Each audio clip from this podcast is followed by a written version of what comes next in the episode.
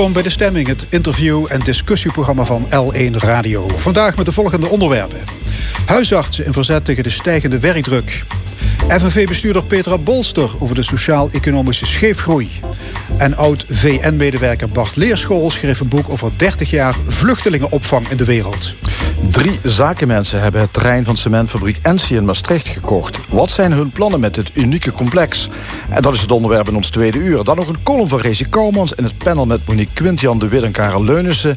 discussieert over boerenprotesten en andere actuele zaken. Tot één uur is dit De Stemming.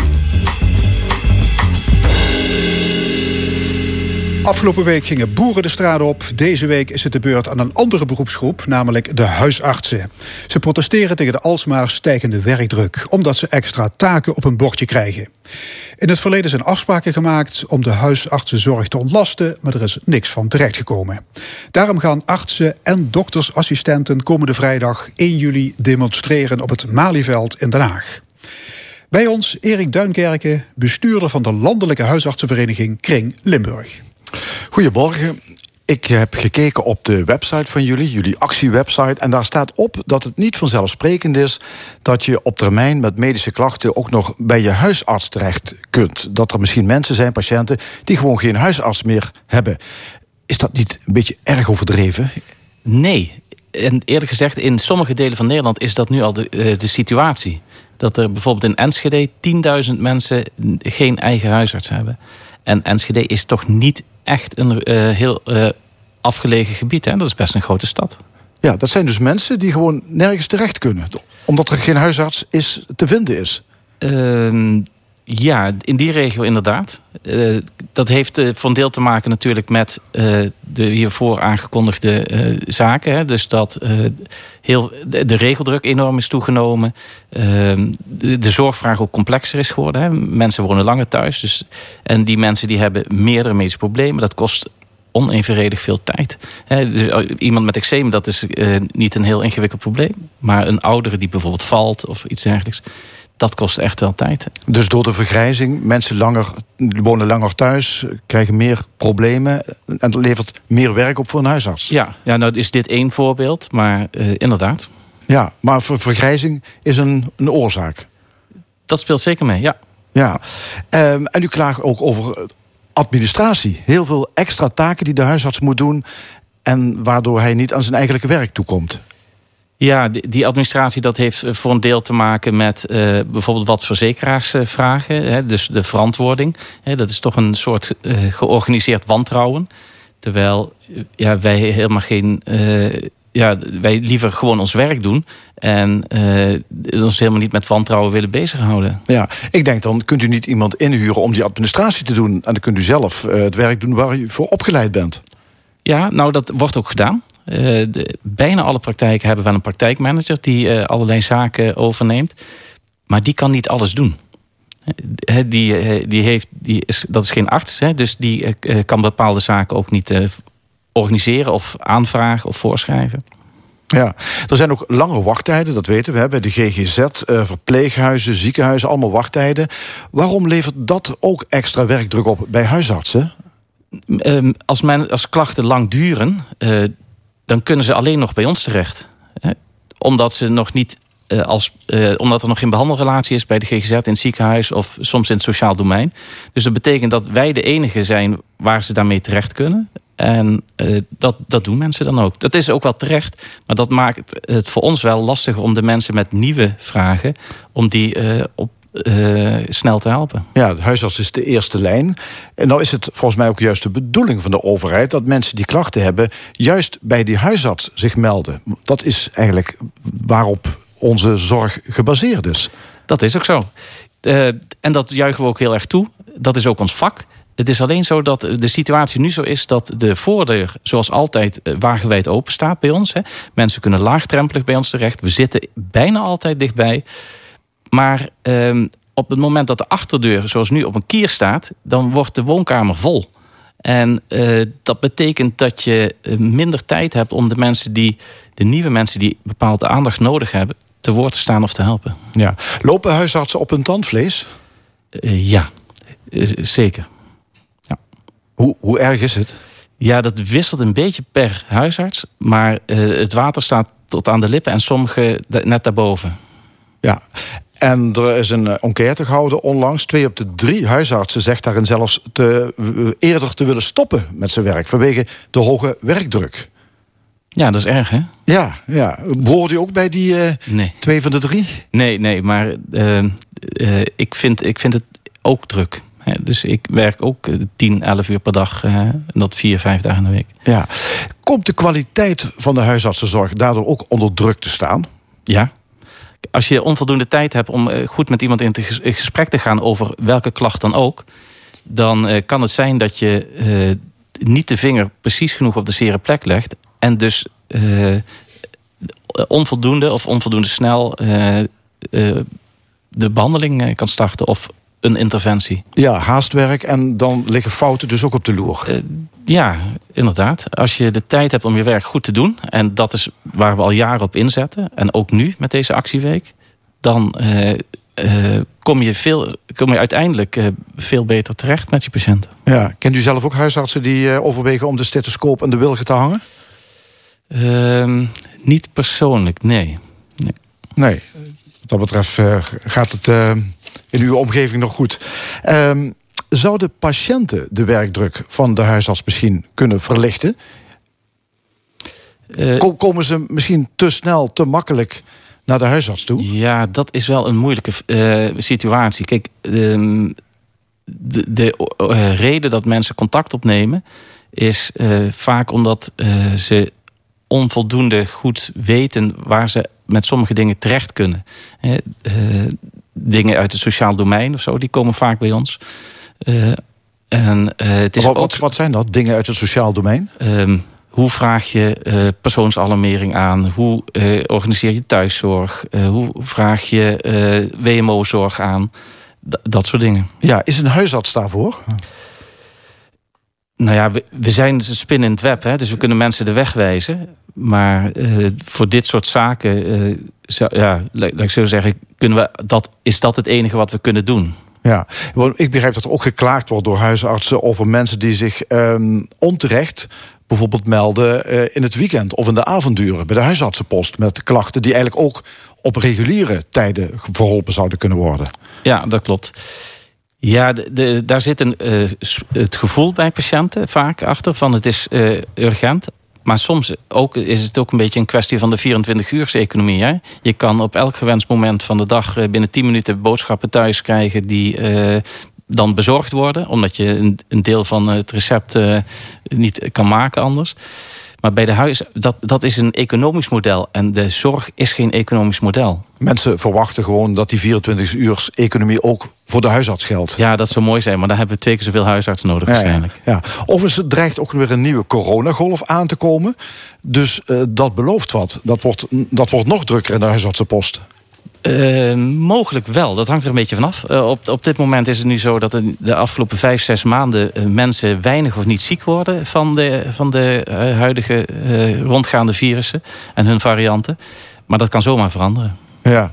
jullie hebben ook nagedacht over oplossingen. Ja. Um, bijvoorbeeld, een huisarts zou volgens jullie meer tijd moeten krijgen voor een consult. op dit moment is dat 10 minuten. En dat zou naar een kwartier moeten. Ja, in de praktijk wordt dat vaak al gedaan. Maar de financiering loopt daar nogal op achter. Dat is überhaupt een kwestie van de financiering van de huisartsenzorg. De laatste cijfers die ik erover heb... is dat de huidige tarieven op uh, de situatie van vijf jaar geleden gebaseerd zijn. Ja, wat levert een langer consult op? Uit, vaak werkt dat, uh, levert het op dat patiënten uh, beter geholpen worden. Omdat je net iets meer tijd hebt om niet je, alleen je rijtje af te werken, maar ook eh, nog wat aandacht aan de patiënt te schenken, net daarbuiten. Ja, en de, de oorzaak van een probleem kan misschien dieper liggen dan alleen een medische klacht? Zonder meer, ja. Ja, wat, wat, wat, wat moet ik me daarbij voorstellen? Eenzaamheid. Mensen die komen met depressieve klachten maar die blijken dan eenzaam te zijn of een, probleem in de familie te hebben. Dit, dit zijn vaak dingen uh, waarvan ik me soms afvraag van god, uh, zou dat 30, 40 jaar geleden niet bij de pastoor terechtgekomen zijn? Maar vanwege de ontkerkeling, kerkelijking, ja, komen dat soort, worden dat soort situaties soms onnodig medisch. Ja, en, mensen ook in de schulden ook wel. Dat... Ja, nou dat is denk ik nog een, iets wat meer aandacht zou mogen krijgen. Um, en ook krijgt ondertussen. Er is hier in Maastricht een praktijk in, in Witte Vrouwenveld die met herstelondersteunende consulten werkt. Dat is een uitermate mooi fenomeen waarbij heel breed gekeken wordt naar waar de klachten vandaan komen. En daar gaat een aanzienlijk deel van deze mensen... komt dus niet in de psychische hulpverlening, maar in het sociaal domein. Dus een holistische aanpak die voorkomt dat mensen... misschien wel weer op een wachtlijst terechtkomen onterecht. Precies, ja. De, kijk, je kan uh, depressieve klachten hebben, maar dat betekent niet automatisch dat je een depressie hebt. En dat uh, ja, kan je daarmee goed ondervangen. Ja. ja, is er uh, trouwens voldoende plek voor al die huisartsen als, als ze willen beginnen? Want er zijn natuurlijk huisartsen, maar ja, tegenwoordig met de, de woningprijzen kun je daarbij iets bij afvragen. Hè? Als je dus om, op een plek huisartsen zoekt, is het misschien nog niet zo vanzelfsprekend dat die huisarts zich daar ook kan vestigen. Ja, vestiging dat is steeds moeilijker. En dat heeft verschillende oorzaken. Inderdaad, eh, de eh, vastgoedsituatie. Maar dat heeft ook te maken met het feit dat het eh, aantal mensen en verschillende functie enorm is toegenomen in de huisartspraktijk. Dus daar heb je veel meer ruimte voor nodig. Um, je, je, bent er, je, bent er, niet meer met alleen een spreekkamer. Ja, ja precies. Het is, je, kan, je kan het niet meer in de garage doen met de assistenten uh, bij de voordeur. Uh, je hebt uh, praktijkondersteuners. Je hebt vaak ook nog in hetzelfde gebouw bijvoorbeeld psycholoog of verloskundige of zo die dan meewerken. Of tenminste ook zorg aanbieden in hetzelfde gebouw. En. Um, uh, daar heb je ruimte voor nodig. Maar we hebben ook ruimte nodig voor het opleiden van onze opvolgers. De doktersassistenten, waar toch ook al uh, de markt erg krap voor is. Huisartsen, co-assistenten. We, uh, we willen graag als huisartsen ook onze eigen opvolgers opleiden. Maar door het ruimtegebrek komen we daar minder vaak aan toe dan we willen. Ja, nou ja, het zijn een hele hoop problemen. Er zijn ook dus suggesties voor oplossingen die jullie aandragen. Jullie gaan dus deze week uh, actie voeren. En dat leidt zelfs vrijdag tot uh, echt een, tot een actiedag, landelijke manifestatie in Den Haag. Precies. waarom nu? Want er zijn in het verleden wel afspraken gemaakt, ook al met de minister, om de situatie te verbeteren. Ja, klopt. van die afspraken is eigenlijk heel weinig terechtgekomen. ondanks dat dat aan, uh, heel vaak ter sprake is gebracht in Den Haag, is daar uh, eigenlijk door de NZA bijvoorbeeld uh, nooit een consequentie aan verbonden. Op het moment ligt het ISA voor, dat is het Integraal Zorgakkoord, waar op dit moment, ongeveer drie maanden voor, twee, drie maanden voordat het gepresenteerd zou moeten zijn en ondertekend, zijn er nog steeds geen concrete afspraken. Dus willen we nu graag duidelijk maken waar de huisartsenzorg voor staat. Dat is laagdrempelig, dichtbij. En uh, omdat het een hele goedkope en goede methode is uh, om zorg te leveren. Ja, de, de, minister heeft, de, minister heeft, onlangs, de minister Kuipers heeft onlangs nog gezegd... die administratieve werkdruk, die wil ik wel, daar, daar wil ik verbeteringen aan aanbrengen. Dus hij, hij is er toch wel mee bezig? Jawel, maar dat, er komt geen gevolg aan in de praktijk. Ja. Wat gaat dat deze week betekenen? In, vrijdag een landelijke manifestatie. Is dat eh, ook tevens een staking? Dus staan patiënten vrijdag voor gesloten deuren? Nee, nee, nee. Ah, het is absoluut geen staking. We willen juist vanuit een positief standpunt eh, de, het integraal zorgakkoord eh, beïnvloeden omdat we denken dat als daar voor die zaken niks geregeld wordt, het achteruit gaat. En de patiënt is daar de dupe van. Ja, maar als jullie vrijdag allemaal op het Malieveld staan, kan die patiënt dus niet terecht in de huisartsenpost. Ja, daar is het Malieveld niet groot genoeg voor. Ehm, maar alle huisartsen uh, in alle regio's... die hebben uh, op hun manier lokale afspraken... waardoor op zijn minst spoedzorg goed geregeld is. Ja, en wat gaat er de rest van de week gebeuren? Dus donder, of, eh, vrijdag staan jullie op het Malieveld... maar wat is die hele actieweek? Wat verwachten jullie? Wat we verwachten is dat uh, elke dag een ander thema aandacht krijgt. Hè? Dus meer tijd voor de patiënt waar we het over gehad hebben. Huisvesting, de druk in de weekenden waar we het ook al over hebben. En elke patiënt krijgt een foldertje mee? of? Nee, nee. We, de, we hebben de actiedag in rode draad landelijk geregeld. En heel veel ruimte gelaten aan lokale initiatieven. Ja, hoe hoog is de actiebereidheid in Limburg? We gaan met twee bussen naar Den Haag. Dus als je dat uitrekent met de mensen die slapen en achterblijven, dan is dat uh, heel aardig. Oké, we gaan het uh, zien komende vrijdag. Dus uh, de actiedag van de huisartsen uit heel Nederland in, in Den Haag. Dank u wel, huisarts Erik Duinkerken. Graag gedaan. Zometeen gaan we praten met Bart Leerschool. Hij werkte 30 jaar voor de vluchtelingenorganisatie UNHCR en schreef een boek over zijn ervaringen. Eerst Thunderclap Newman.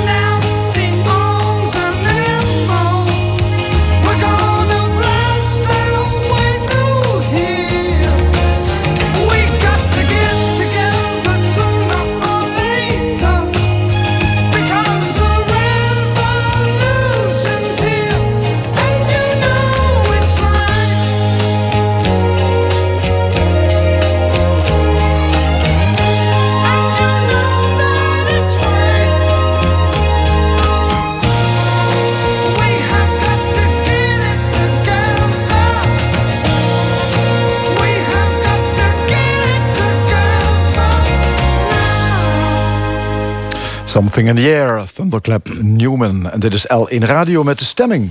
Bart Leerschool uit Heerlen werkte 30 jaar voor de Verenigde Naties. Meer speciaal voor de internationale vluchtelingenorganisatie UNHCR.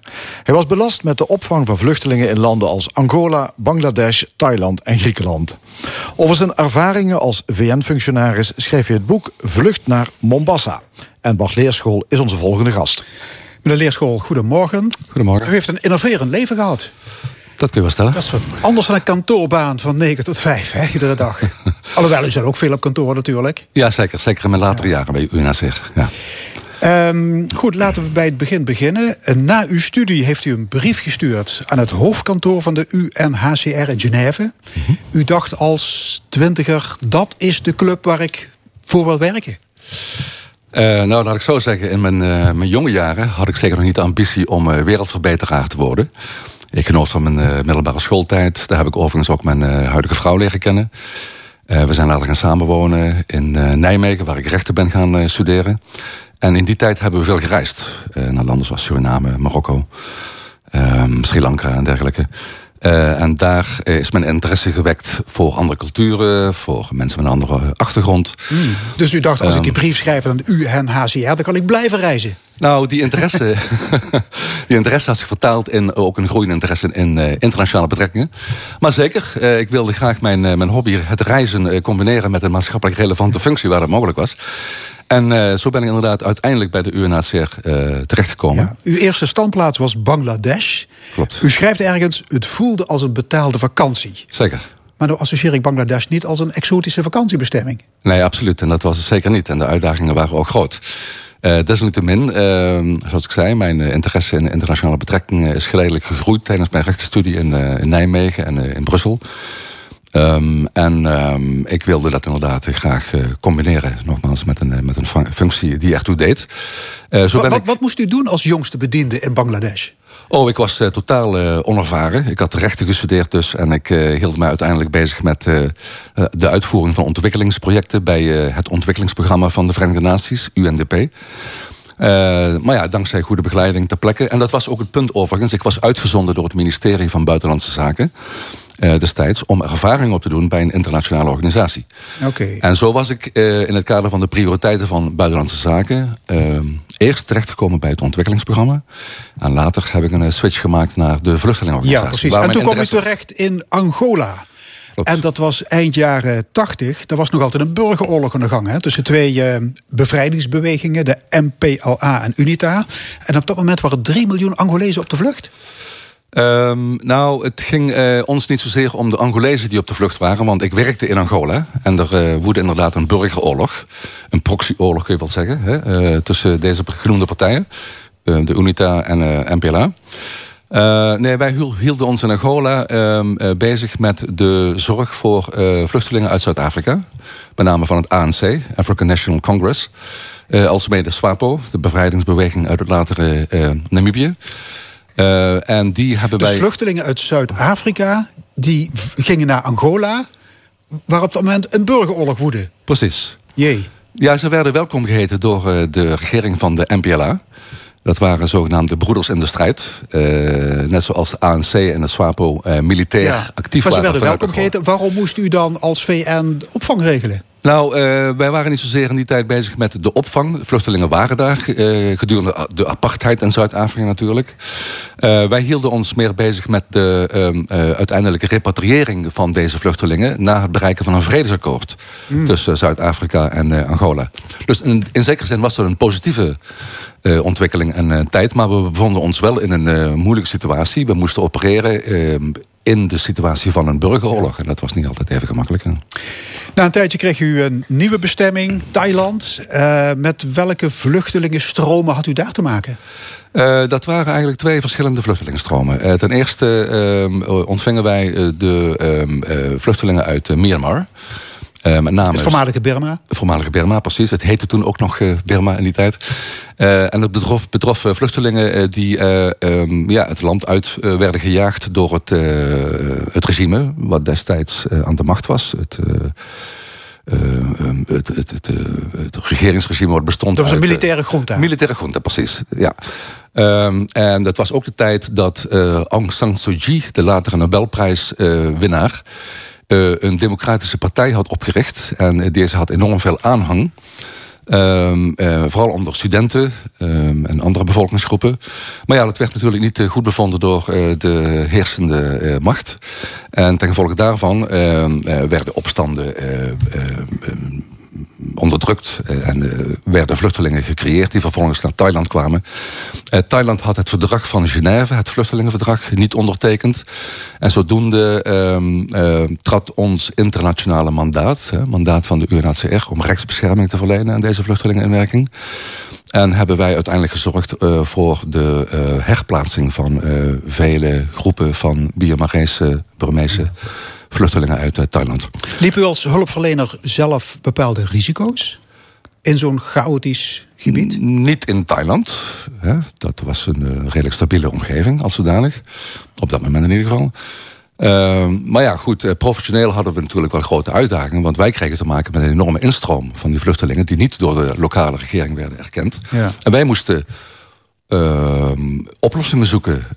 zogezegd via de herplaatsing van deze vluchtelingen naar landen als Amerika... de VS bedoel ik, Australië en andere westerse landen waar ze werden opgevangen. Ehm, de tweede groep vluchtelingen betrof uh, een, grote groep van uh, Cambodjaanse vluchtelingen. Die uh, al sinds de 70 jaren onder andere in Thailand een heenkomen hadden gevonden. Want er was een schrikbewind in Cambodja. Een schrikbewind onder Pol Pot, Pol Pot in Cambodja. 2 miljoen doden, ja. de killing fields. Ja, absoluut. En deze vluchtelingen zijn door de Thaise regering destijds opgevangen. Maar je kunt je voorstellen dat de druk op de sociale en economische infrastructuur in Thailand uh, heel erg groot was met verschillende miljoenen vluchtelingen die daar woonden. Dus ook hier moesten we duurzame oplossingen voor vinden. middels de herplaatsing van deze vluchtelingen naar nou ja, de eerder genoemde landen, ja. westerse landen. Ja, in totaal bent u op in, in veel landen geweest. Ehm, wat heeft u als VN-medewerker kunnen uitrichten in al die crisisgebieden? Was het zinvol werk? Ik, uh, ik denk het wel. Uh, zoals gezegd heeft de, de UNHCR een internationaal mandaat... voor de rechtsbescherming van vluchtelingen. Dat klinkt vrij uh, theoretisch mogelijk. Het ging onder andere om het toezicht op de uitvoering van het verdrag van Genève door de lidstaten. Nee, oké, okay, maar, maar operationeel moet het toch af en toe een verschrikkelijke megaklus zijn geweest. Absoluut. Neem uh, Afghanistan. Ja. na de aanslag op de Twin Towers waren er 5 miljoen mensen op drift. Hoe krijg je die opvang georganiseerd? Hoe doe je dat? Ja, deze 5 miljoen mensen werden aanvankelijk eh, opgenomen door eh, landen als Pakistan en uh, Iran. Uh, hoe doe je dat? De UNHCR, UNHCR werkt samen met uh, andere organisaties natuurlijk. In de eerste plaats betreft ons mandaat de rechtsbescherming. Dat betekent dat mensen toegang moeten hebben tot het grondgebied... tot een asiel, asielprocedure waar dat nodig is. Maar ook uh, materiële hulpverlening uh, moeten kunnen genieten. Dus ook gewoon tenten, tenten hygiëne, eten, medische voedsel. zorg, onderwijs... en nogmaals duurzame oplossingen. En die duurzame oplossing in het geval van Afghanistan bestond uit de repatriëring van vluchtelingen uit Iran, uit uh, Pakistan. Nadat de Taliban uh, in 2001 aan de kant was gezet en de weg vrij werd gemaakt voor mensen om uh, huiswaarts te keren. Mm -hmm. Dat in zichzelf had natuurlijk implicaties. Want 5 miljoen mensen die plotseling naar huis willen omdat de vrede is uitgebroken, zeg maar. Ja. Uh, betekent dat uh, je deze mensen moet opvangen, materiële hulp moet verlenen om weer te kunnen integreren in de maatschappij waar ze naartoe uh, terugkeren. maar ja, daartoe werken wij samen met andere organisaties. Wij kunnen niet alles alleen doen natuurlijk. Nee. wij werken samen met lokale NGO's, met zusterorganisaties van de VN. Ja, meneer Leerschool, ja. u heeft ook veel ellende gezien. Zeker. Een vierjarig meisje dat bezwijkt aan de cholera. Iemand die zichzelf aan brand steekt. Die individuele gevallen, zijn die het ergste? Uh, nou, laat ik zo zeggen. Um, om je werk goed te kunnen doen... Uh, ik spreek van mezelf natuurlijk... heb ik een zekere immuniteit opgebouwd door de jaren heen... voor oorlogsgeweld, voor uh, menselijk lijden omdat het ook min of meer van je werd verwacht. Je moet een professionele houding aannemen. Er moet worden georganiseerd. En je kunt je niet bezighouden met elk um, individueel geval. Maar dat wil niet zeggen dat ik geen menselijk lijden zou hebben meegemaakt. Ik heb vele situaties meegemaakt. Ja, want u kreeg ook stress op een gegeven moment. Ook oh, ja. door de constante werkdruk en Absoluut. door de hitte. Dat, dat begon allemaal zijn tol te eisen. Zeker, zeker. Uh, ik uh, gaf natuurlijk, uh, omdat ik niet veel, niet veel keus had, prioriteit aan mijn werk in een crisissituatie. Dat heeft ook tot de nodige uh, spanningen geleid uh, thuis. Uh, Huwelijkse spanningen? Ja, in ieder geval spanningen binnen mijn gezin. Ja. Omdat ik nogal egocentrisch bezig was. En het leidde en tot een kolossale burn-out. Ja, Laten we het beestje maar bij de naam noemen. Vele jaren later heb ik inderdaad een burn-out gehad. het was zo dat in die tijd, in de vroegere jaren bij UNHCR... nog geen structurele psychologische begeleiding voorhanden was... Uh, voor mensen die in een crisisgebied hadden gewerkt. En je kon eigenlijk alleen maar de ervaringen en de beelden van een vorige situatie okay. uitschakelen door naar een volgende professionele uitdaging te gaan. Maar je zou toch verwachten dat zo'n internationale organisatie daarin voorziet? Ja, zeker. Uh, nu wel. Nu wel. we hebben een uitstekende medische ja. dienst binnen UNHCR. we hebben een welzijnsfunctionaris en daar wordt zeker naar gekeken. Maar vroeger was dat niet aan de orde. Het, je mag wel zeggen dat de missie van UNHCR en de gedrevenheid van zijn medewerkers omgekeerd evenredig was aan het gebrek aan structurele voorzieningen om mensen de staf beter te begeleiden bij de uitvoering van hun werk. Maar goed, maar voor die vluchtelingen in die kampen is natuurlijk helemaal geen uh, psychologische zorg. Goed, u ging met vervroegd uh, pensioen. U dacht, ik ga alle hoogte- en dieptepunten van die 30 jaar eens opschrijven. Precies. Ja, het was zo dat ik uh, bij mijn afscheid van de UNHCR in 2017 inderdaad de behoefte had om te reflecteren over het werk en leven gedurende 30 jaar bij de UNHCR om te reflecteren over het lot van de vluchtelingen. Uh, te reflecteren over de invloed die mijn werk heeft gehad uh, op mijn privéleven. Uh, maar ook, ja, kun je wel zeggen, om een beetje orde en structuur in de chaos van mijn leven te brengen. Ja. En alle belevenissen en ervaringen op papier te zetten. Ja, ik las in uw boek, er gaat geen dag voorbij zonder dat een flits uit die voorbije tijd door mijn hoofd gaat. Ja, ja, bij mijn dus afscheid. Dat heeft impact gehad, dus kennelijk. Ja, zeker, zeker. En nadat ik afscheid had genomen, uh, besefte ik al gauw dat ik weliswaar weg was van de vluchtelingen, maar dat de vluchtelingen niet uit mezelf waren verdwenen. Dat ze als het ware in mijn uh, systeem zaten. En uh, ja, vandaar dat ik daar nog steeds mee bezig ben. Als we de klok terugzetten naar 1987, zou je het weer doen? Absoluut. Waar woont u nu? Ik woon in Spanje. Spanje? Ja. In het nawoord, meneer Leerschool, pleit u voor een ruim toelatingsbeleid voor Afrikaanse vluchtelingen en migranten. Uh, moeten we de Europese buitengrenzen openstellen? Uh, nou, laat ik uh, vooropstellen dat uh, het veelzeggend is dat uh, sinds het ontstaan van de Europese Unie men er nog steeds niet in geslaagd is om een gemeenschappelijk asielbeleid ehm, te accepteren, te formuleren. En dat leidt tot bizarre situaties, waarin in het ene land van de Europese Unie een miljoen vluchtelingen worden opgenomen. Bijvoorbeeld in tijden van de vluchtelingencrisis in 2015, waarbij Duitsland hè, destijds vooral Syrische vluchtelingen heeft uh, opgenomen.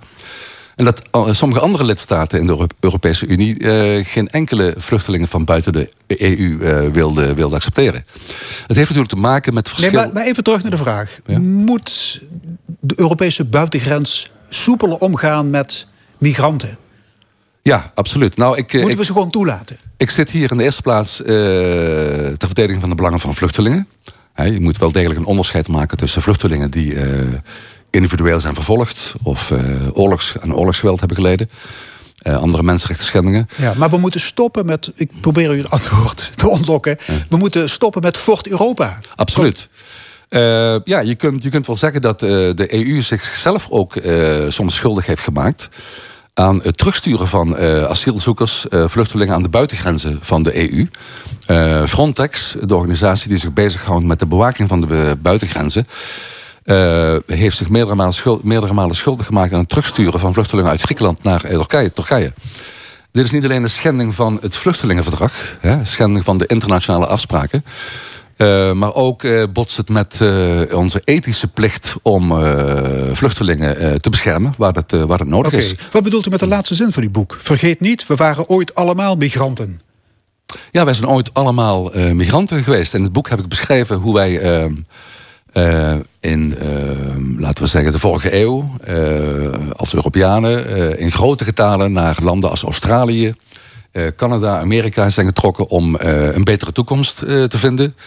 Om meer welzijn te, te, te, te, zoeken. Um, en tegelijkertijd sluiten wij onze grenzen voor niet-Europese vluchtelingen. En dat, die twee situaties botsen met elkaar. En vandaar dat ik in het boek pleit voor een soepeler migratie- en, en asielbeleid in Europa. Bart Leerschool, oud-medewerker van de UNHCR. Hartelijk dank. En het boek Vlucht naar Mombasa ligt in de winkel. Dank u.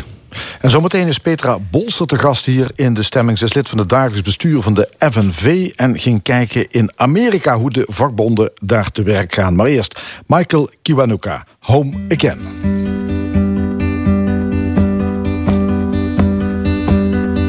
Home Again. One day I know I feel home again. Wrong again, wrong again. One day I know I feel strong again. I lift my head.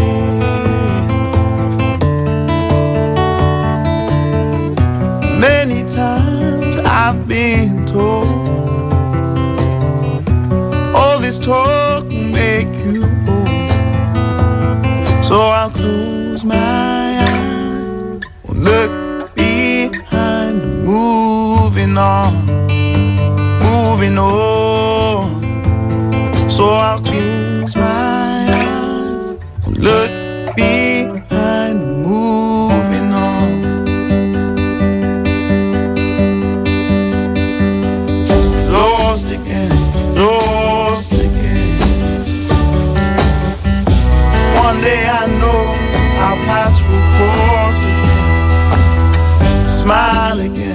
smile again.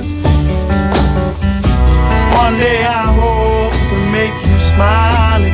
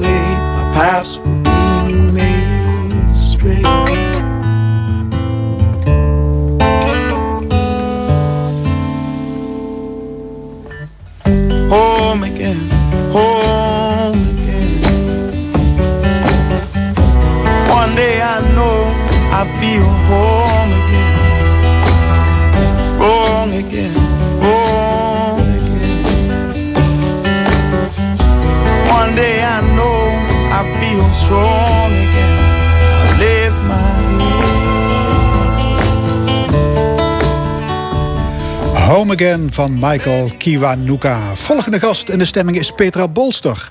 Een jaar geleden werd ze benoemd tot het dagelijks bestuur van de FNV, Nederlands grootste vakbond. Daarvoor was ze bestuurder van FNV Metaal en stakingsleider.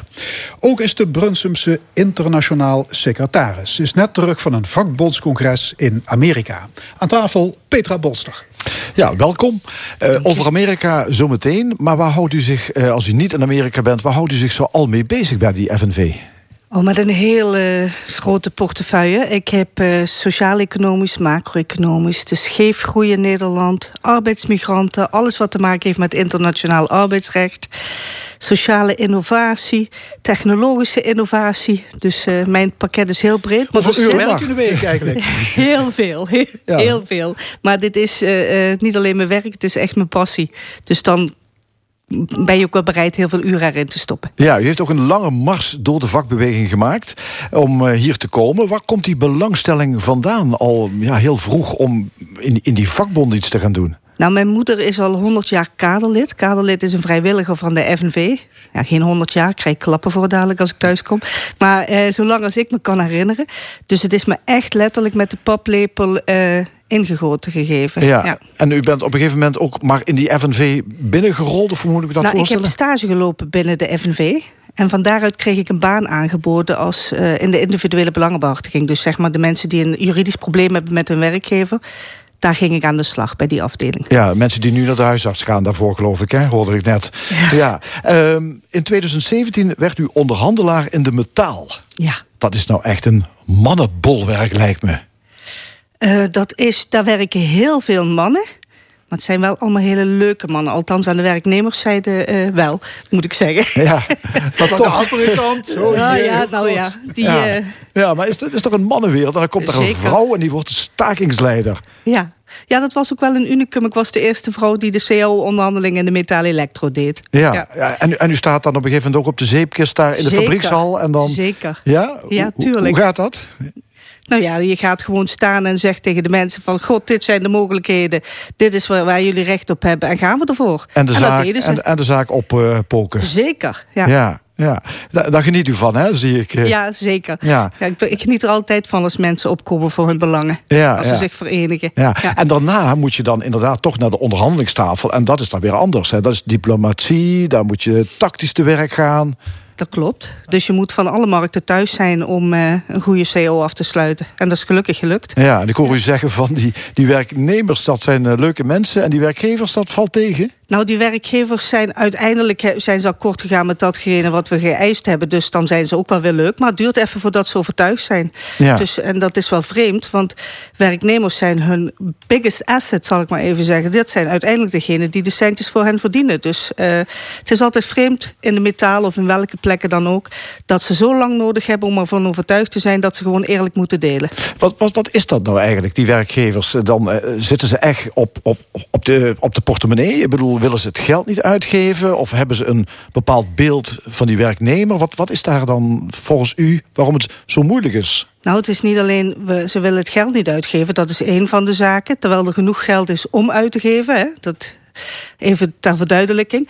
En een andere is bijvoorbeeld dat ze vinden dat zij gaan over de vrije tijd van hun werknemers. Over wanneer die moeten werken en wanneer ze thuis moeten blijven. Eigenlijk is het adagium van kom maar als ik je nodig heb en blijf thuis op eigen kosten als ik je niet nodig heb.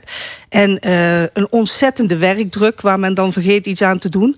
Dus eigenlijk worden alle lasten bij werknemers neergelegd. En alle lusten, de opbrengsten, de winst gaat naar werkgevers. Ja. Dat is geen houdbare situatie. En dan moeten ze soms gemotiveerd worden om daar eh, de juiste keuzes in te maken. En dat moet dan soms via stakingen. Ja, en dat lukt in de metaal wel. Hè? want Daar zijn mensen dan blijkbaar nog georganiseerd. Maar ja, over de hele linie gezien eh, verliest FNV natuurlijk meer leden dan erbij komen. Bent u niet bang dat de vakbond op termijn niet meer relevant zal zijn in Nederland? Ik denk dat er een vakbond altijd relevant zal zijn in Nederland. Ja, maar met hoeveel leden ben je dat nog? Ja, dat is de vraag. Maar Ja. dat betekent ook dat mensen zich moeten verenigen. Ja, maar en dat, dat, hoor ik de vakbond altijd al zeggen. Ja, mensen lopen weg. Dat klopt. Maar ze moeten juist zich verenigen. Want je ziet alleen maar dat de macht van het grootkapitaal toeneemt.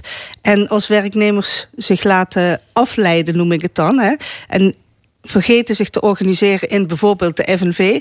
dan betekent dat alleen maar dat ze nog meer aan het korte eind gaan trekken. En we hebben, eh, onder mijn leiding zijn er allerlei onderzoeken hebben plaatsgevonden... naar eh, wat de aandeelhouders verdiend hebben de afgelopen jaren. Dat is 500% gestegen. Nou, dat zijn de salarissen echt niet. Dus de vakbond is meer dan relevant. Mensen U moeten bent, zich gewoon aansluiten. Ja, u bent lid van het dagelijks bestuur van de FNV, Klopt. landelijk en ook internationaal secretaris. Hoeveel talen spreekt u? Ik spreek er maar drie. Engels, Duits, Nederlands. Nog net geen, En dialect, nog net geen Frans Timmermans. Nog net geen Frans Nee. Timmermans. Ja. U bent net terug in Amerika. U was in Philadelphia voor een internationaal vakbondscongres. Klopt. Wat stond daar op de agenda? Nou, in, bij ons als internationale eh, gasten stond onder andere eh, op de agenda hoe gaan we samenwerken. Want we zien dat bedrijven steeds meer globaliseren, steeds meer coördineren hoe ze eh, bijvoorbeeld vakbondsmacht moeten breken. Hè? Hoe ze mensen moeten afraden om lid te worden van de vakbond bijvoorbeeld. Ehm, aanpak van bijvoorbeeld platformbedrijven zoals Uber. Amazon, hoe dat wordt aangepakt, die gaan we nu ook hier in Nederland krijgen. Ja. Hè? Binnenkort eh, bij ons hier aan de grens in Limburg. Dus dat soort dingen stonden op de agenda om te bespreken. En is het leerzaam, zo'n eh, Dat is zeker leerzaam. En het is ook goed, denk ik, dat vakbonden, werknemerszijde, want dat wordt wel eens vergeten, vakbonden zijn gewoon de werknemers, dat die ook gecoördineerd aan de slag gaan. Dat die ook nadenken met z'n allen, hoe kunnen we dat nou het beste tackelen? En zorgen dat de belangen van werknemers goed uit de verf komen. Ik heb begrepen dat president Joe Biden nog een toespraak heeft gehouden daar in Philadelphia. Heeft u hem gezien? Dat, ja, ik heb hem gezien. Ja, dat klopt. En het was een hele inspirerende eh, toespraak, moet ik zeggen, waarin hij het belang van de vakbonden juist Oké, benadrukte. dus hij is meer vakbondsminded dan zijn illustere voorganger. Dat, dat zeker. En misschien ook wel meer dan onze minister-president. Ja. Oké. Ehm, ja, u noemde net Amazon en zo en, en Starbucks. Die hebben allemaal sinds kort een eigen vakbond opgericht. Mhm. En nu heeft ook het personeel van Apple zich verenigd. Wat geeft dat aan eigenlijk? Nou, dat betekent dus dat het belang van de vakbonden steeds meer gezien wordt, ook in Amerika. En in Amerika is er nog een apart systeem. Daar moet je namelijk eerst een derde van het personeel een handtekening laten zetten dat ze willen dat er een vakbond komt.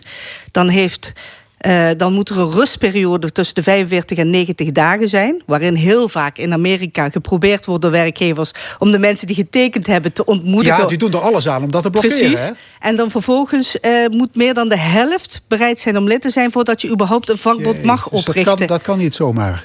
Dat kan daar zeker niet zomaar, maar dat zijn allemaal wetgevingen die ervoor gezorgd hebben dat juist de macht van vakbonden uh, minder werden. Terwijl aan werkgeverszijde om zich te verenigen. Want let op, dat bestaat ook. Hè. Werkgevers ja. hebben ook vakbonden. Geen enkel probleem. Nee, geen enkel probleem. Maar is het zo dat mensen aan de onderkant van de samenleving, van de onderkant van de arbeidsmarkt, in verzet komen tegen neoliberale praktijken van.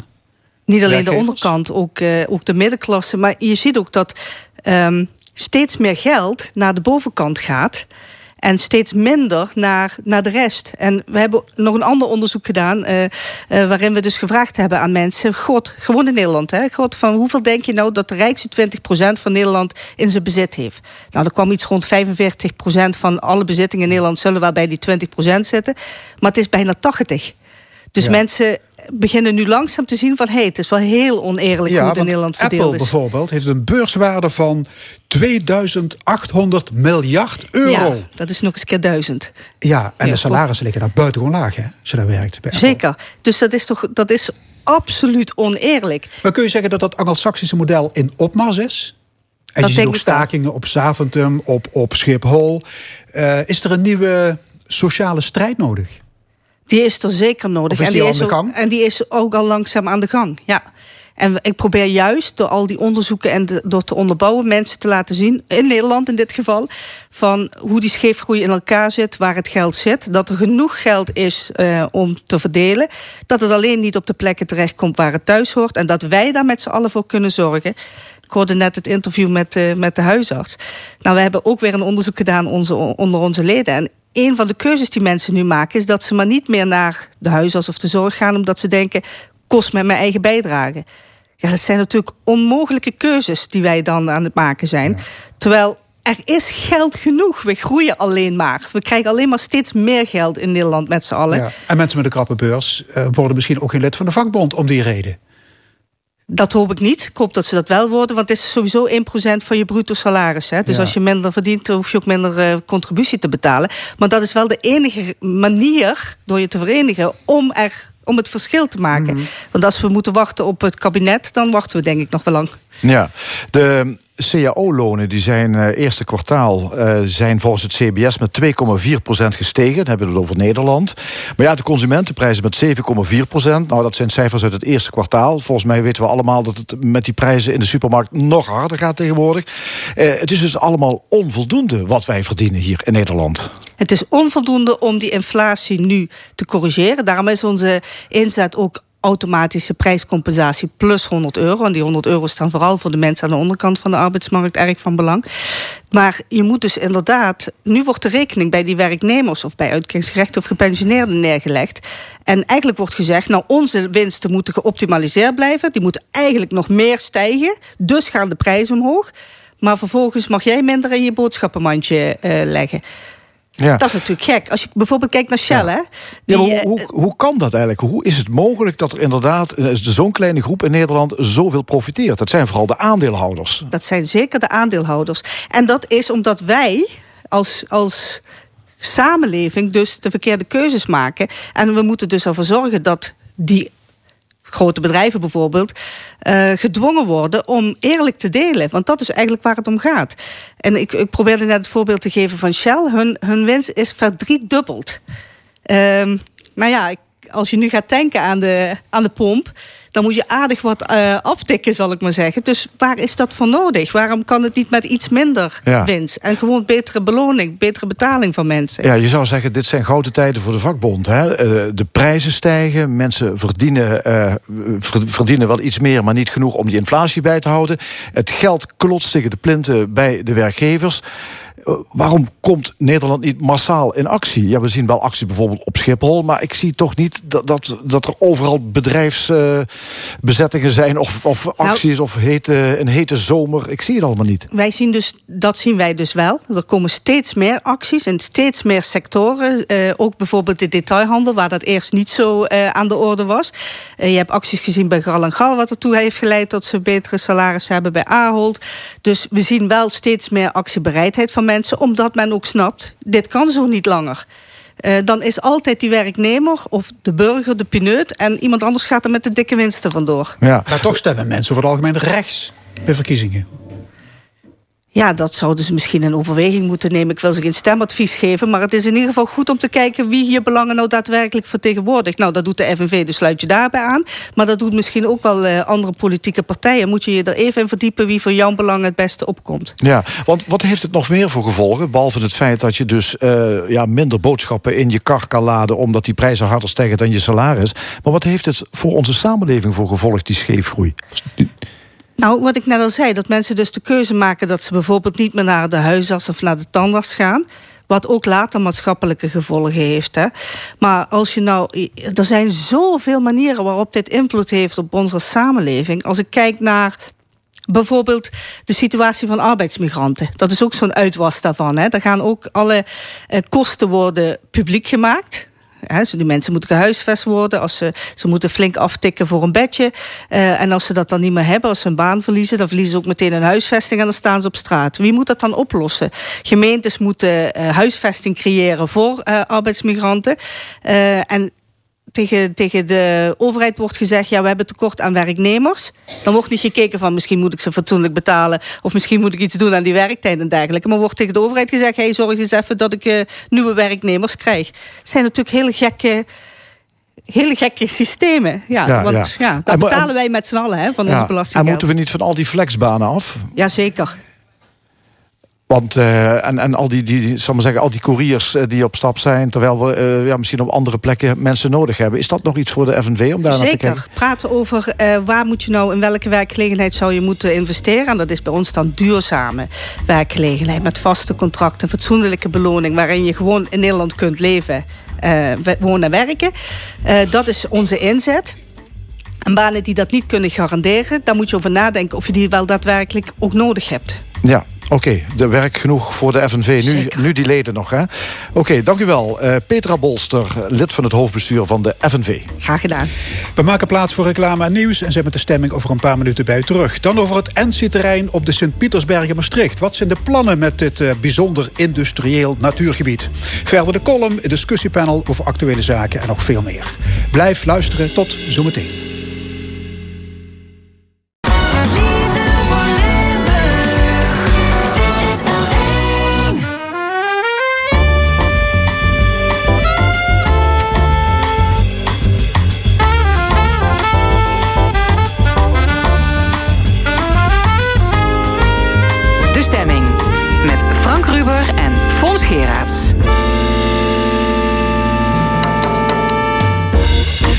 Opnieuw welkom bij de stemming. Wat allemaal in dit tweede en laatste uur. Straks het panel met de oud-Kamerleden Monique Quint, Jan de Wit en Karen Leunissen.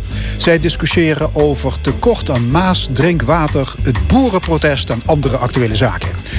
Een column van Rezi Komans, maar eerst de transformatie van het Ensi-complex. Het terrein van de leegstaande Ensi-fabriek in Maastricht is verkocht. En koper is de vastgoedonderneming Limburg Real Estate. Wat is deze firma van plan met het hoogst bijzondere terrein van 33 hectare? Bijzonder vanwege de combinatie van industrie en natuur.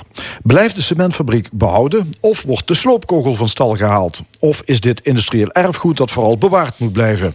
Aan tafel Harry van der Hoorn van Limburg Real Estate en Ernst Homburg, voorzitter van de werkgroep Industrieel Erfgoed Limburg. Heren, welkom.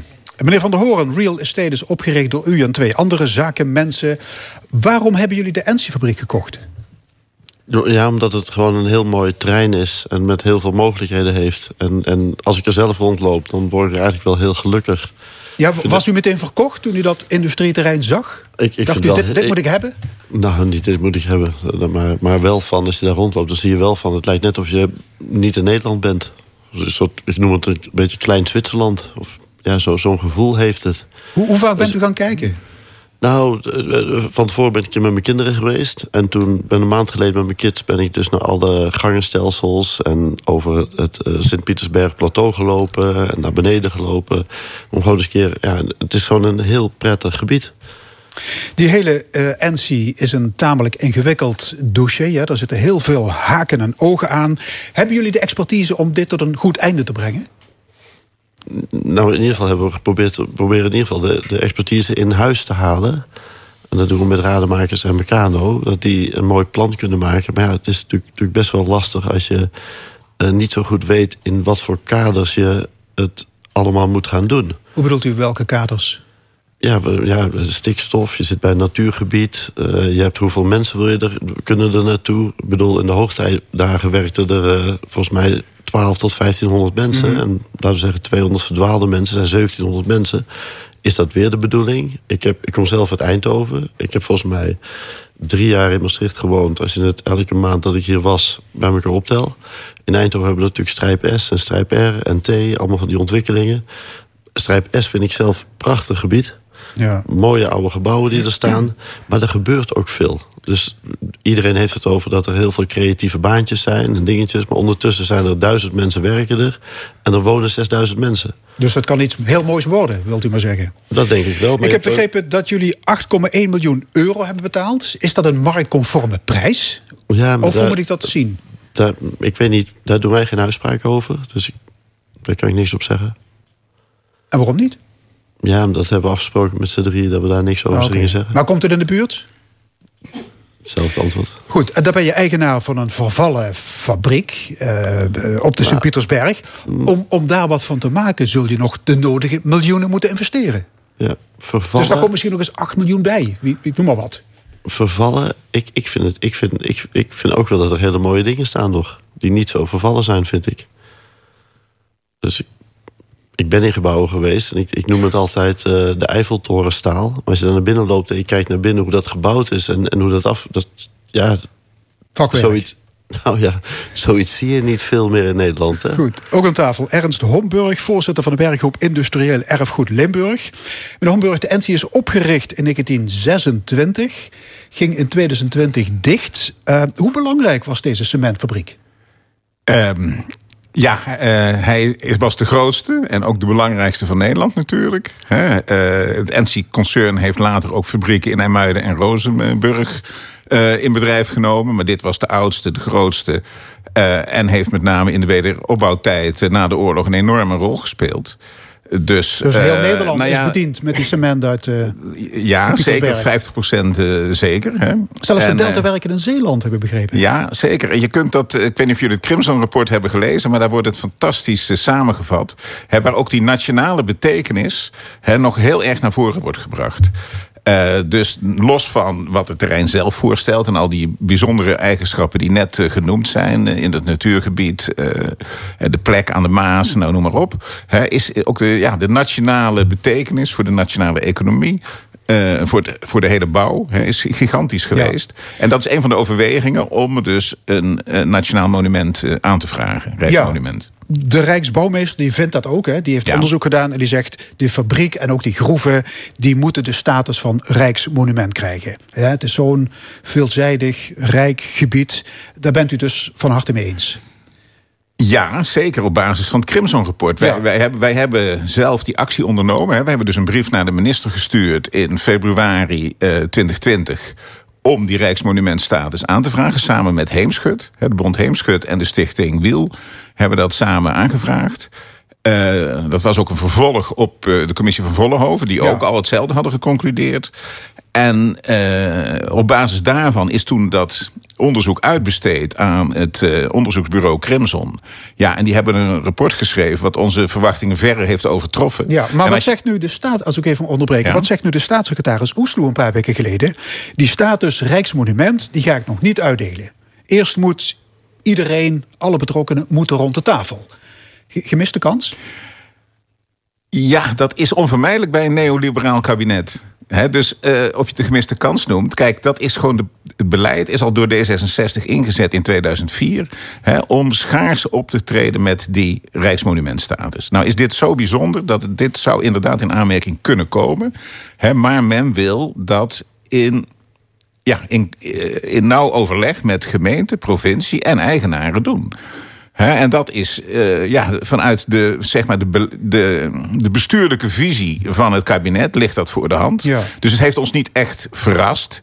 Hoewel een aantal dingen, en dat is ook waar mijn buurman op duidt. Op het moment dat je het wel monument maakt, dan liggen een, een aantal kaders. Dan is hij aan handen en voeten gebonden, wil Nou, zeggen. nee, dan liggen een aantal kaders die nu niet vast liggen, liggen vaster. Ja. Ehm, Maar als ik even. Ja, u mag Ja, want onderbreken, anders. eh, dan wordt- in 2010.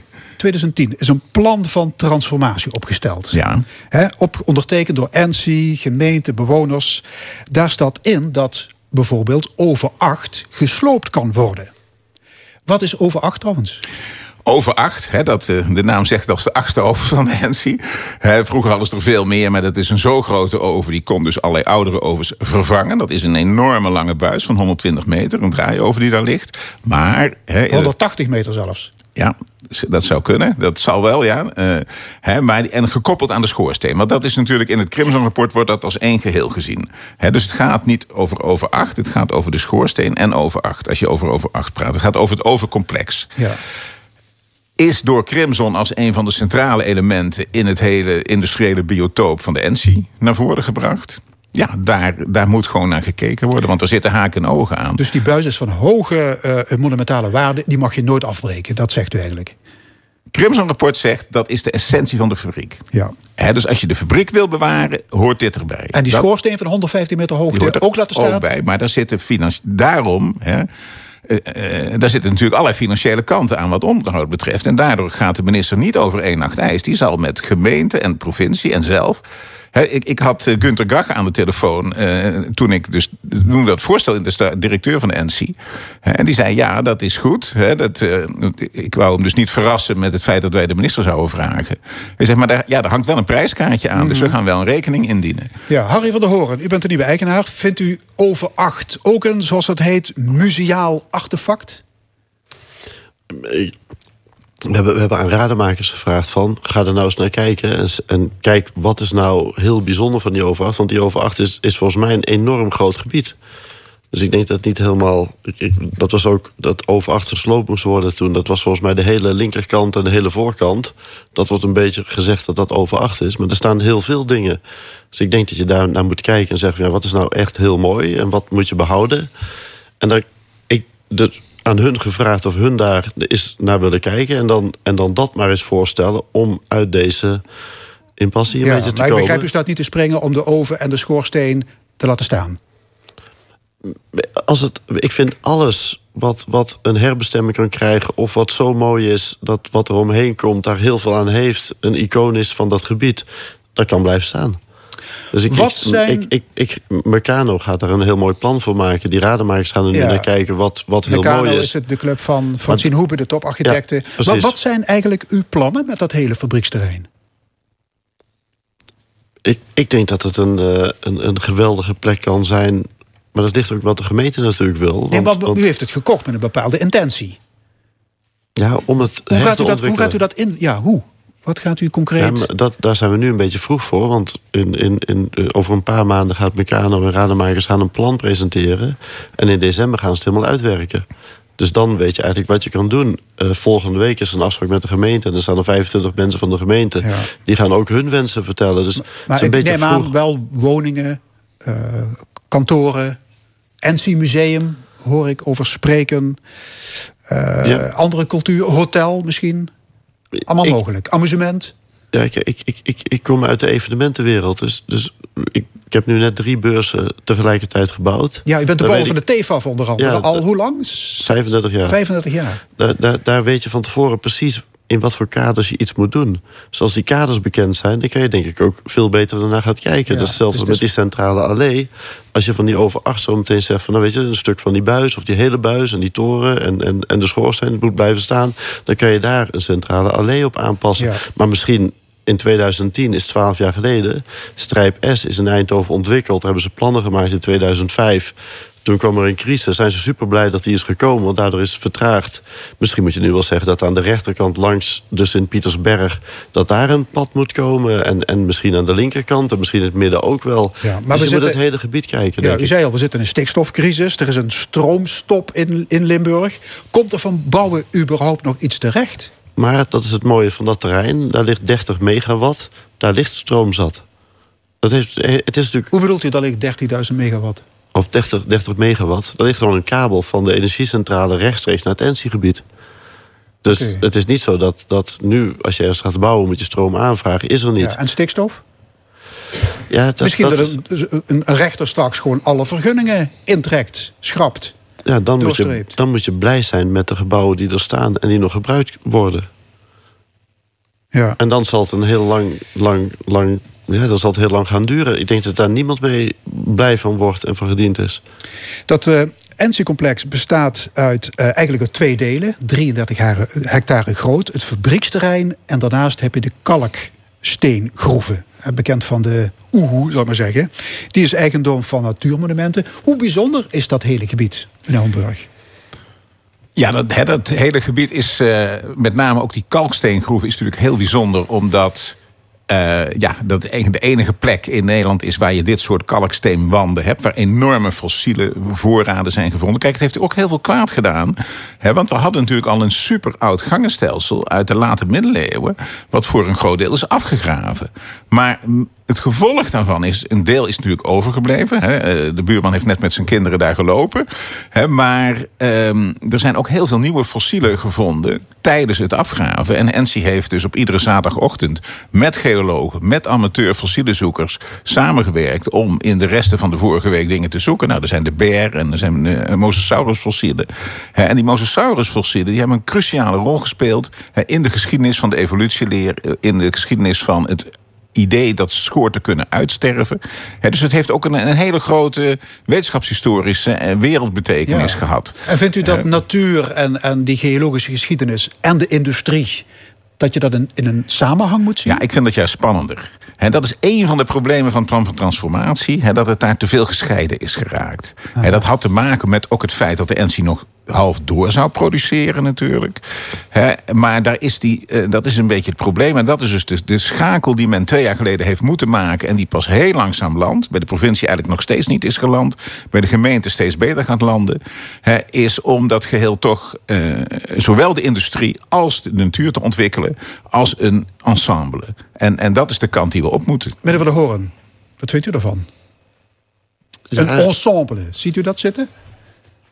Of zegt u, wa- Homburg, wat bemoei je je mee? Nee, als ik op dat uitzichtpunt sta en ik sta daar en ik neem een foto met mijn kids en ik, en ik, en ik kijk naar die groeven, dan denk ik van prachtig. En ik kijk naar die fabriek en dan, kan ik, dan denk ik van ja, dat is eigenlijk wel. Dat zou eigenlijk doet het nu af aan de schoonheid van die groeven, wat er nu aan de linkerkant nog staat. En dan denk ik dat je daar iets heel moois van kan maken. Dat dat één groot mooi gebied wordt. Ehm, de Limburg heeft onderzoek gedaan naar de drie kopstukken van real estate. Eh een van jullie is drie keer failliet gegaan en is beticht van onbehoorlijk bestuur. Wat vond u van dat artikel in de krant afgelopen zaterdag? Vorige week zaterdag. Ja, ik, ik, ik, natuurlijk niet, word je niet heel blij van. Maar ik doe ook een beurs bouwen in New York. En, en daar is het, als je daar een keer failliet bent gegaan... dan is het juist dat je dus daarna een betere ondernemer bent geworden. Ja, maar die op basis van onbehoorlijk bestuur natuurlijk. Nee, maar ja, dat is, dat is, dat, dat- daar weet ik dat. Ik, ik, ik, ik, eh, ja. U weet het ook niet. Nee, het is, ik Maar wat zegt iemand leuk. van het bewonerscomité Sint-Pietersberg Ade Benemend? We gaven ze het voordeel van de twijfel, maar nu ben ik er steeds minder van overtuigd dat ze er iets moois van gaan maken. Ja, daar gaat u eh, credibility. Nou, dat zullen we proberen dan. eh, dat, dat we er toch iets moois van gaan maken. Ja.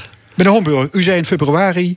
Een commerciële partij is vaak niet in erfgoed geïnteresseerd. Die willen de boel platgooien en dan verder. Ja, daar moet je altijd voor uitkijken. Dat is voor ons een reden geweest om die monumentenstatus aan te vragen natuurlijk. Dat er dus een vorm van bescherming is. Maar wat je vooral nodig hebt is alerte overheden. Dus de gemeente en de provincie die moeten zich veel meer engageren. En, dan, en natuurlijk is er, er wordt net gezegd, kijk, die over acht dat hele gebied aan, aan, aan de zuidkant van het terrein... daar staan ook allerlei bouwsels die misschien niet zo mooi zijn. Ja, daar moet je dus goed naar kijken. Dat was de hele idee van het Crimson-rapport... was te kijken ook, hoe ziet het ensemble eruit? Wat vinden we cruciaal? Wat is minder belangrijk? En daar eh, moet een dialoog over zijn. Dat u zegt vooral de overheden zegt u moet er goed opletten. Dus gemeente Nou, en, en provincie. ja, doen ze dat in voldoende mate op dit Dat doen ze niet in voldoende mate. De gemeente is aan het opschuiven. Wat vooral belangrijk is, is om het terrein in samenhang met de stad te ontwikkelen. En niet als een geïsoleerd terrein, maar je moet kijken naar infrastructuur, bereikbaarheid, aantrekkelijkheid van de kade, eh, verandering. Dus er is veel meer aan de hand. Kijk, deze eigenaren die hebben terrein gekocht. Die hebben daar mooie ideeën over. En die willen geld verdienen, toch? Die willen ook geld verdienen, maar dat, moet, dat wordt pas mogelijk op het moment dat je die hele bereikbaarheid vergroot van het terrein. Hè. En eh, ja, dat zijn allemaal dingen die dus als samenhang bekeken. Dat zie je dus hetzelfde bij Strijp S. Dat is een proces van lange adem. Eh, Het idee dat je dat in twee jaar zo even neer kunt zetten, is geen goed plan. Je moet behouden wat er aan waardevol staat. Dat moet je gaan herinrichten, herbestemmen. Eh, eh, ontwikkelingen, huizenbouw. Dat kan natuurlijk ook als je een deel is, kan weg. Dan heb je ruimte voor huizen, voor allerlei nieuwe functies. Ja, dat is een, is een totaalplan. En daar zijn gelukkig zijn de architecten daarmee bezig. Ja, het, het- weet je, ik denk als je over vijf of over tien jaar, als je daar rondloopt en, en, het, en het is gelukt en er staat iets heel moois, ik denk dat je dan terug kan kijken en dat je dan heel trots kan zijn. Ja, en op korte termijn En- moeten we gewoon en- afwachten eh, op het ambitiedocument. Dat verschijnt volgende maand. ja. En eind van het jaar heeft Francine Hoebe, toparchitecte, haar Precies. plan, haar masterplan klaar. Wat is haar opdracht eigenlijk? Maak er iets van. Of, ja, eh, maak er iets van, maak er iets moois van. Zo, bedoel, va- zo vaag is het. Nee, het is niet zo vaag. Het is, Maar ze wordt is- ook aangestuurd door jullie, neem ik aan. Ja, maar de- zij, zij, zij is deskundig hierop. Zij heeft dat in meerdere plekken op de wereld gedaan. Dus zij kan dat hier ook van maken. En als zij daar iets, iets, iets. Ja, zij heeft in principe een beetje de vrije hand om daar ook wat moois van te maken. Er zijn niet zoveel kaders. En u blijft de vinger aan de pols houden. Zeker, wij, wij vinden het een ontzettend interessant gebied. Dus wij, wij blijven ons, zowel met de gemeente als de provincie... als met de eigenaren in dialoog. Het Topos heeft een heel belangrijke serie lezingen Ja, gehouden. Topos is een architectuurinstelling in Ja, die Maastricht. hebben de hebben we, we hebben dus samen de afgelopen twee maanden fantastische lezingen eh, gehouden met ideeën over dat terrein. Dat was, ik weet niet of de eigenaren die zijn daar volgens mij niet bij geweest. Dat is ontzettend jammer, want eh, daar komen enorme inspirerende ideeën naar voren. Hartelijk dank, Harry van der Hoorn van Limburg Real Estate... en Ernst Homburg van de werkgroep Industrieel Erfgoed Limburg. U wilt nog iets kwijt? Nou, ik kom allemaal naar de teef af. We sturen u de rekening. Spotje. Oké. Oké.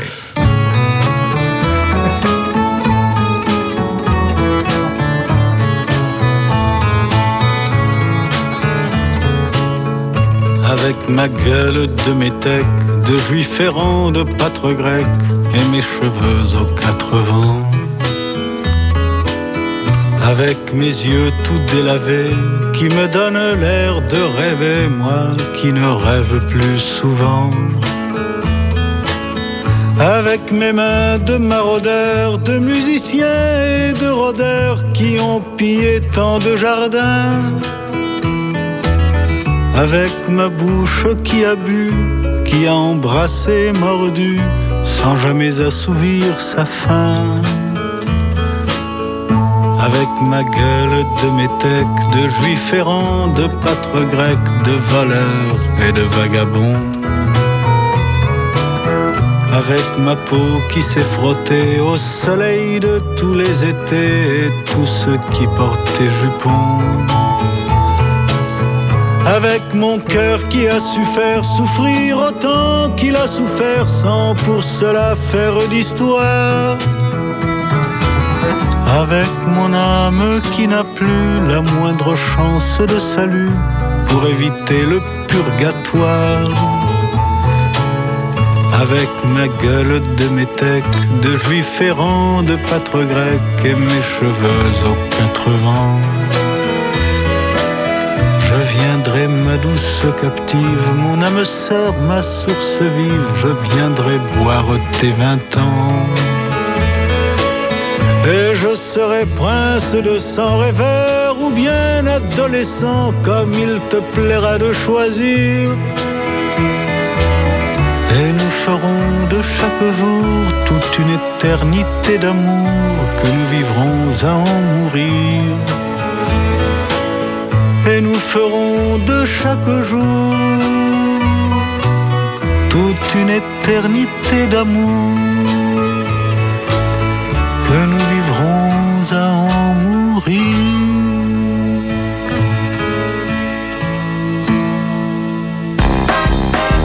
De column. Vandaag met Rezi Kouwmans. Ja, luisteraars, het is zoiets. Ik ben officieel aad. Het heeft niks te maken met het feit dat ik al een dik jaar oma ben. Dat is heerlijk. Maar ik ben voor de tweede keer in mijn ganse leven naar het outlet geweest. En heb mich, God vergeven, een paar birkenstoks gekocht. Hoe is toch de tijd gebleven dat ik nog gewoon op plastic flipflops de hele dag terras kon lopen? En als ik mezelf dan zie schravelen op die orthopedische, lelijke, lompe sandalen, denk ik soms, koos ik de tijd maar terugdraaien. Als ik vol medelijden achter de bar stond, klantje me vragen of ik opgewonden ben omdat ik zo'n rode kop heb. Nee, ik zit vol in de overgang al tien jaar. Ik heb een vapeur. Dan zou ik willen dat ik nog eens dertig was. Maar als ik dan tien minuten later, als de opvlieger weer weg is, comfortabel op die sandalen over het terras loop, denk ik, zalig. Ik ben blij dat ik niet meer vruchtbaar ben. Toen zou het toch maar jong zijn en in Amerika wonen. Daar hebben ze de tijd teruggedraaid. En wel met 150 jaar. Daar hebben een paar conservatieve baarmoederloze zek beslist dat Stoel als vrouw niet meer moest beslissen over die eigen lief. Alles wordt de generatie voor mij verheid gevochten, werd met één handtekening teniet gedaan. Wie komt het toch dat we weer zo ongelooflijk truttig zijn geworden? Waren het vroeger de eiers die zich opreten over de vrije seksuele moraal van haar kinder? Zijn het nu die wichter zelf die zeggen: Mam, nee, zit zich echt naaks in de sauna? Of sturen ze zich aan vriende mensen op het naaktstrand in Ool? Ik kan nog niet eens meer gewoon met mijn hondje daar gaan wandelen. Och, godtekes, nee, nu heeft dat beestje ook nog een trauma. Hup, naar de hondenpsychiater. Man, man, man. Gang toch ergens anders met dat kiele lopen als ze door niet tegen kind. Toen werd toch wel moesten lups. Ja, maar wat me nog het meest beangstigt, is dat weer achter dat Amerika aanlopen. Dus het zal nimmer lang duren dat ook veer weer terug naar de brein moeten. Dus dames, uh, oh ik bedoel, sorry, mensen met baarmoeders. Wat die boeren kennen, dat kennen veer ook. Dus hup, die burgerstoks aan en ommars. Nee, terug, maar vooruit, voor ons kleinkinder. De column van comedienne kastelein Rezi Komans. En dit is L1 met De Stemming. We gaan naar een discussiepanel. Drie opiniemakers bespreken het nieuws van de week. Vandaag over het stikstofdebat in Provinciale Staten... kolencentrales die weer helemaal los mogen gaan... en over het tekort aan drinkwater uit de Maas. Ik heet van harte welkom de oud-Kamerleden Monique Quint van de PvdA... Karen Leunissen van het CDA en Jan de Wit van de SP. Ja, welkom alle drie. In de Provinciale Staten is behoorlijke weerstand tegen de stikstofplannen van het kabinet. Het kabinet houdt eigenlijk vast aan die plannen, maar de Staten die hebben een motie aangenomen waar een afstand wordt genomen van die stikstofplannen van het kabinet. Um, ja, welke, welke betekenis heeft zo'n motie eigenlijk? Kan iemand het duiden, Monique Quint? Ja, ik denk dat dat een hele grote politieke betekenis heeft. Omdat in de provincie Limburg en Noord-Brabant. Dat zijn de twee provincies met relatief de meeste uh, um, stuks vee, zal ik maar zeggen, van allerlei soorten die daar rondlopen. Um, dat men heeft gezegd: wij hebben een uitstekend stikstofbeleid. Alleen zoals je dat heel vaak ziet, is niet aanwijsbaar, niet aantoonbaar, niet uh, feitelijk wetenschappelijk vastgelegd. Waar blijkt dat dan uit? Um, wat de achtergrond van zo'n motie die dan aangenomen wordt vooral is, is de manier waarop een en ander gegaan is in de afgelopen periode. En dan denk ik aan een paar jaar. Um, die houdt in feite verband met wat eh, minister Van der Wal ook zei. Wij zijn zelf schuld. En met wij bedoelden ze nadrukkelijk de Rijksoverheid, het beleid wat gevoerd is in Den Haag. Die hebben ervoor gezorgd dat de landbouw uiteindelijk, en dus ook als onderdeel de veeteelt, uh, op dit moment eruit zien uh, zoals ze eruit zien. Uh, er is in de afgelopen jaren zijn er bosjes vergunningen afgegeven. mensen hebben geïnvesteerd. hebben ongema ongemakkelijk grote kredieten opgenomen bij, bij, bij banken. Die moeten worden afbetaald. Dus wat, wat ik aan alle kanten meevoel is... als je dan gaat zeggen, luister, hier heb je een kaartje... en dit moet er gaan gebeuren... Uh, en zoek het maar uit daar uh, in de provincies. Dan kan ik mij voorstellen dat je als volksvertegenwoordiging van een provincie zegt: Hallo, kan het een beetje een nummertje anders? Kunnen we misschien eerst eens praten over op wat voor wijze gaan we dit uitvoeren? Want het is niet een meetlat die voor alle boeren hetzelfde is. Want niet alle boeren zijn hetzelfde. Uh, dus het is bijna onmenselijk om het op deze manier in een samenleving neer te gooien. Ja, ja. die. die... Karel, Jan, Jan die, partijen, die, die partijen die uh, uh, dan zogenaamd afstand hebben genomen van, uh, van het stikstofbeleid, daar zit toch wel een probleem natuurlijk. Omdat de provincie of provinciale staten hebben in ieder geval niet gezegd dat we 50%, dat we dat die 50% vermindering, dat we dat niet gaan doen. Nee, dat is eigenlijk dus, het opmerkelijke. La, la, dus ja, het, het dus ze hebben zichzelf overeind. daardoor in de problemen gebracht. In die zin dat de hoofddoelstelling overeind blijft. En dan toch zeggen ze, nou ja, wij, als provincie, wij hebben daar wat andere ideeën over. Hè? Dus uh, wij, wij, zijn niet tegen die aanpak, uh, of wij zijn tegen de aanpak van het kabinet, maar ook eigenlijk niet. Dus hoe gaat dat uitpakken? Dat is mijn grote vrees ook over wat er nu gebeurt. Namelijk dat het kabinet onvoldoende duidelijk is geweest met, met het plan. Hè? Dus het perspectief, zoals dat heette in het debat. Het perspectief ontbreekt ten ene male. Maar aan de andere kant zal hebben ze nu de, de, zeg maar de, de Zwarte Piet doorgeschoven naar de provincie. En daar zit precies het probleem. Want bij de vorige acties van de boeren uh, uh, rezen een provinciehuis binnen en stonden ze hier bij de, bij, hier bij, bij de Maas. En de provincies die zeiden, of de gedeputeerden zeiden: Kom jongens, we gaan, uh, we, gaan het, we gaan het anders doen dan het Rijk het heeft bedacht. Dus daar zit gewoon een heel groot probleem dat die provincies strakjes toch de hele zaak weer gaan afzakken. Ja. En dat is het, het, het, het, slechte, vind ik, aan wat er nu gebeurt uh, met, met dit uh, stikstofplan. Ja, Karel Leunis, hoe kijk jij dan nou ja, ik denk dat mevrouw Van der Wal op zich heeft het uh, heel goed gedaan. Maar het enige wat ze gezegd heeft, is wat we al lang wisten... dat die stikstof met 50% gereduceerd moet worden, gemiddeld. De grote fout die ze heeft gemaakt, vind ik echt een grote fout... is om met dat kaartje te komen, die kleurenkaart... die de dag erna weer heel anders uitzag. Die heeft gewoon gezegd van weet je, Natura 2000 gebieden met een flinke uh, bufferzone rondom. Daar moet de stikstof uh, in de Natura 2000 met 95 procent... in die zone rondom met 70 procent gereduceerd worden. Je zou toch ook kunnen zeggen, dit, dit geeft wel duidelijkheid. Je weet waar... Ja, maar, maar dat is onuitvoerbaar. Als je ja. naar Zuid-Limburg kijkt, om een voorbeeld te nemen...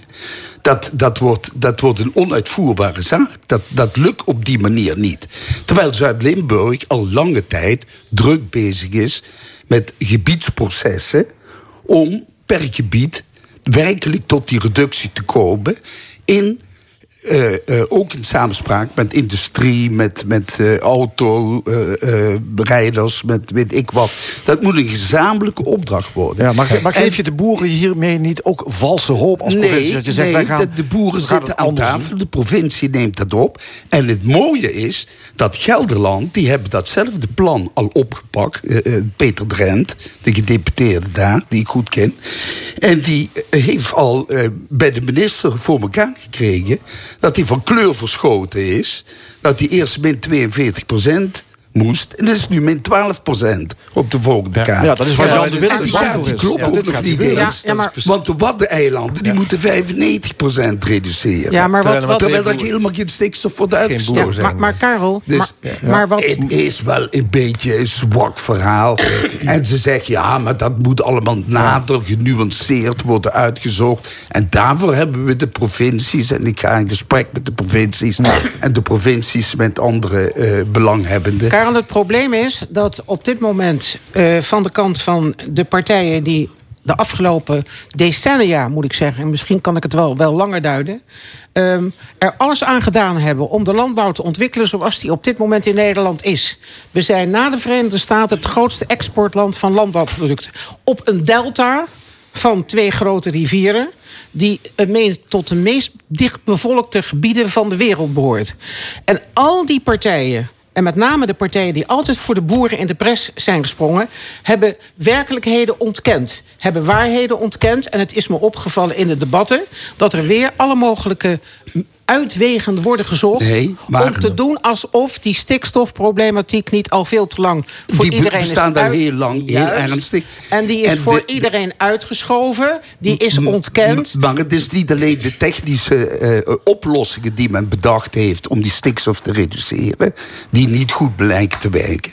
Maar het is ook de marktwerking en het feit dat die boeren geen sou verdienen aan de producten die ze leveren. Maar waardoor komt en dat? Wacht even. het ministerie natuurlijk ook iets aan hebben moeten Waardoor doen. komt om bijvoorbeeld dit- die supermarkten, die Dit de, is de melkfabrieken, de vleesfabrieken. dit is die hebben allemaal rijk, ze zijn allemaal rijk geworden van, van, van En het werk heeft- van de boeren. en wie heeft En dit die boeren allemaal moesten goed- maar oplussen, En wie meer heeft vee, dit vee. allemaal goed zitten keuren? De- Zoals het Rijk er ook alles aan gedaan heeft om de grote multinationals. Want als je het over een van de grootste bedrijven, Unilever, die, die afnemer is van heel wat producten die door boeren worden gemaakt.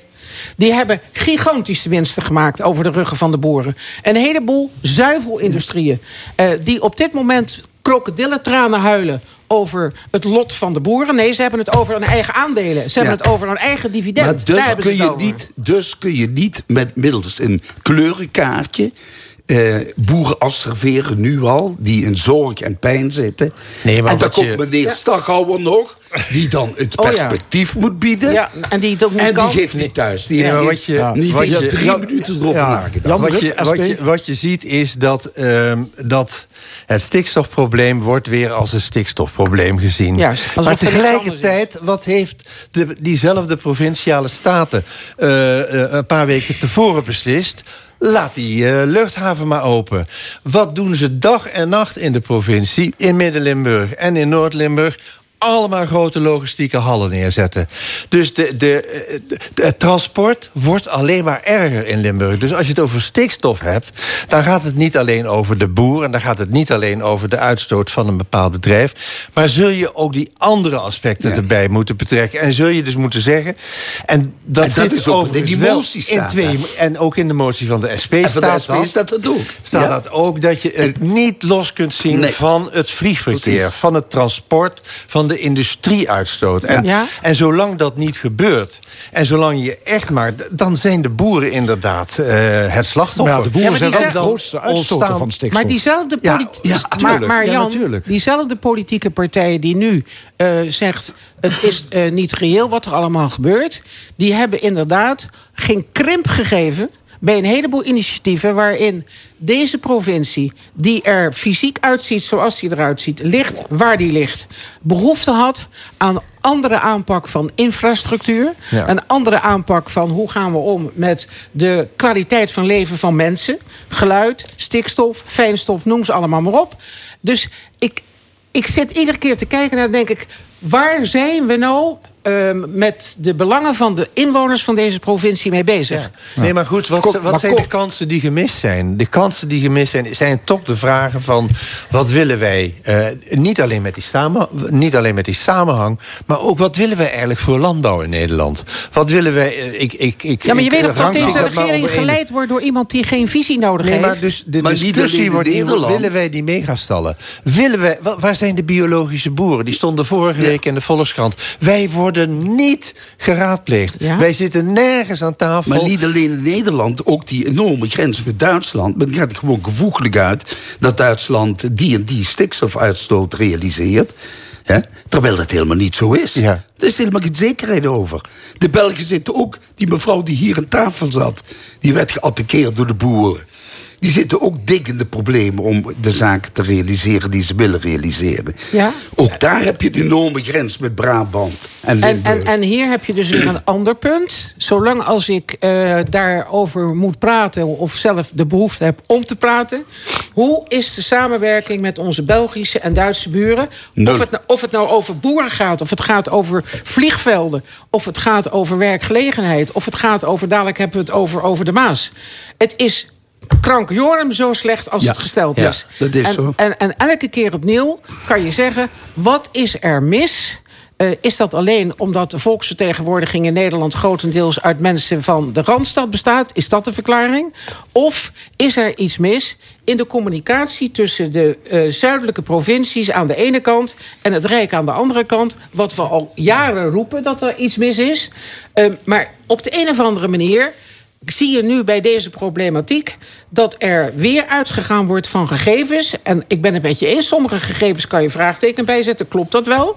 Maar dat geldt voor een heleboel informatie over dit Maar gebied. ook bijvoorbeeld wat Jan zei over eh, de, de, de de luchthaven gaat uitbreiden. Het is allemaal vrachtverkeer. Allemaal enorme vliegtuigen met enorme uitstoten toestanden.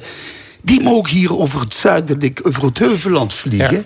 Om naar Birsij aan te vliegen over Ja. Maastricht. Ja. Ja. En daar Ja. heeft de Nederlandse Ja. regering heeft daar toestemming Ja, voor daar is gegeven. altijd zo'n deal over Ja, gemaakt. Hè? Een deal Ja. over gemaakt. Goed. En er Nee, maar je aan. ziet, je, je, je ziet gewoon dat onder druk van, eh, van de acties van, van de boeren... wordt het probleem verengd, ook in de Kamer...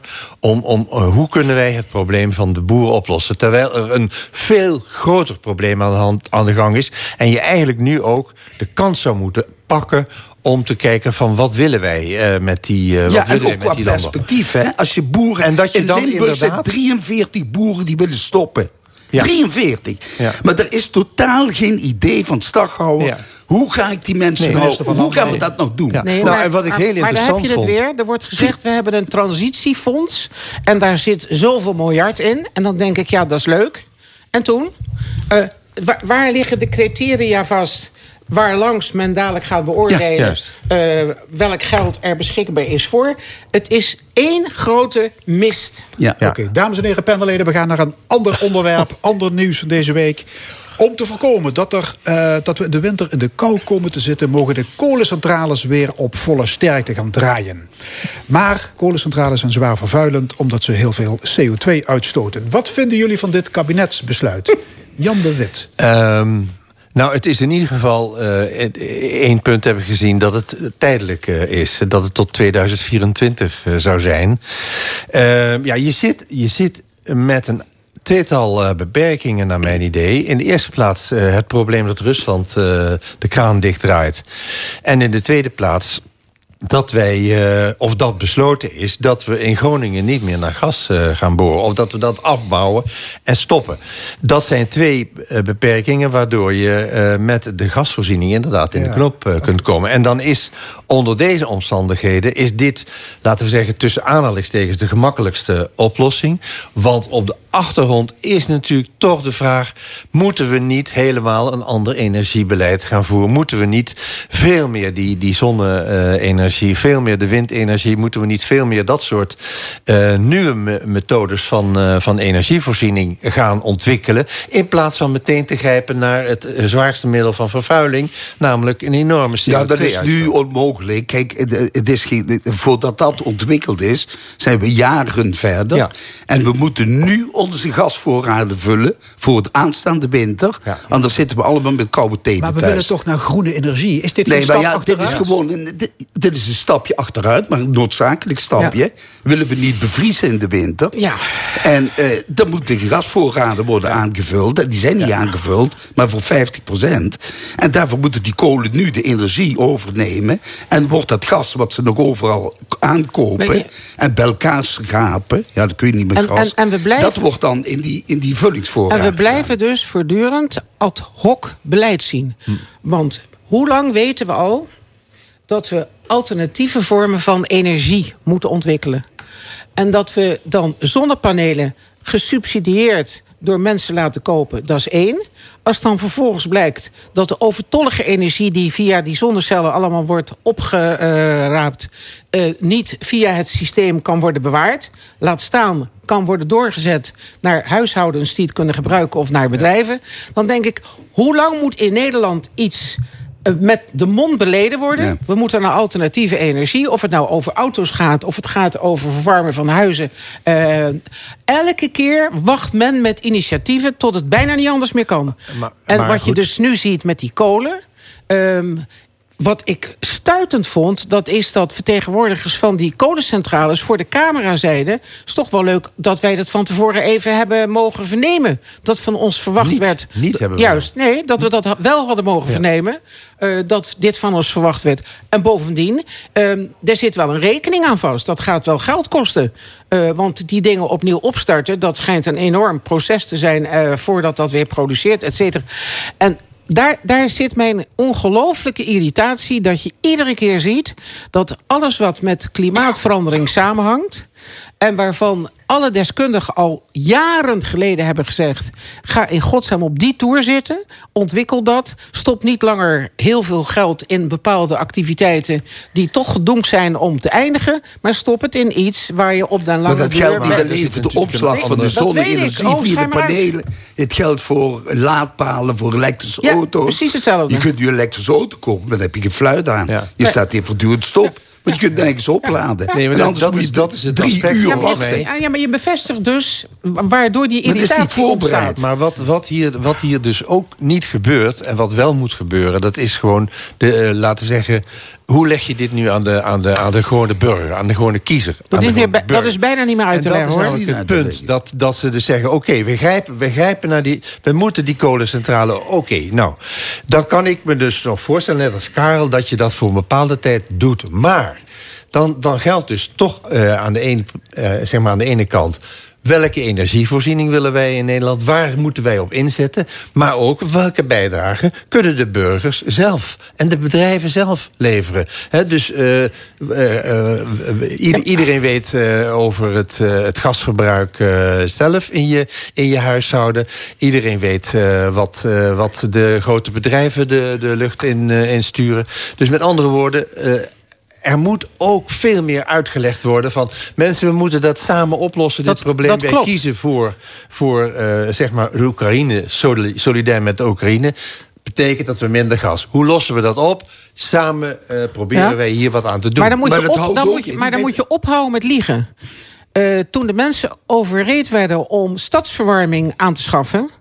toen hoorde daar een belofte bij... dat ze dus niet mee zouden gaan in de ontwikkeling van de prijs van gas. Wat gebeurt er op het moment dat er een gasprobleem ontstaat? Die mensen gaan even hard mee in de prijsverhoging van energie. Dus wat, wat voor mij ongelooflijk belangrijk is... zeg de waarheid eens tegen de inwoners van dit Ja. land. Ontwikkel een visie, neem ze mee... want je krijgt alleen maar draagvlak... als je als overheid een keertje uitlegt... waarom iets niet meer Ja, kan en waarom het wel kan. Solidariteit, Nee, maar, ja, eh, juist. goed, ja. Maar dat woordje samen helpt niet meer, hè? Oké, ik wil wel even terug naar die kolencentrales. Het is een noodscenario, hè, wordt gezegd. Maar is het wel zo onvermijdelijk? Ik bedoel, als de Nederlandse gasimporteurs gewoon met roebel blijven betalen, krijgen we Russisch Ja, gas. maar dat, dat, is, dat, is, dat kun je niet maken. Kijk, er zijn EU-sancties genomen. Je kunt niet Poetin blijven eh, betalen om die oorlog aan te houden. Die moet, die moet gewoon economisch aan de grond gebracht worden.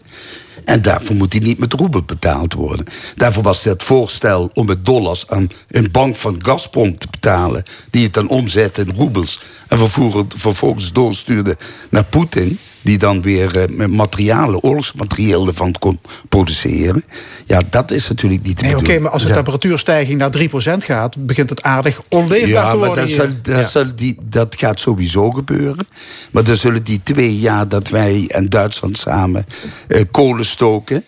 eh, zal dat niet ver- veranderen. Als Nee, je ziet hoeveel in China... hoeveel kolenmijnen daar nog zijn. En dat is energie... eh, eh, eh, de energie nummer één, dat zijn kolen in China.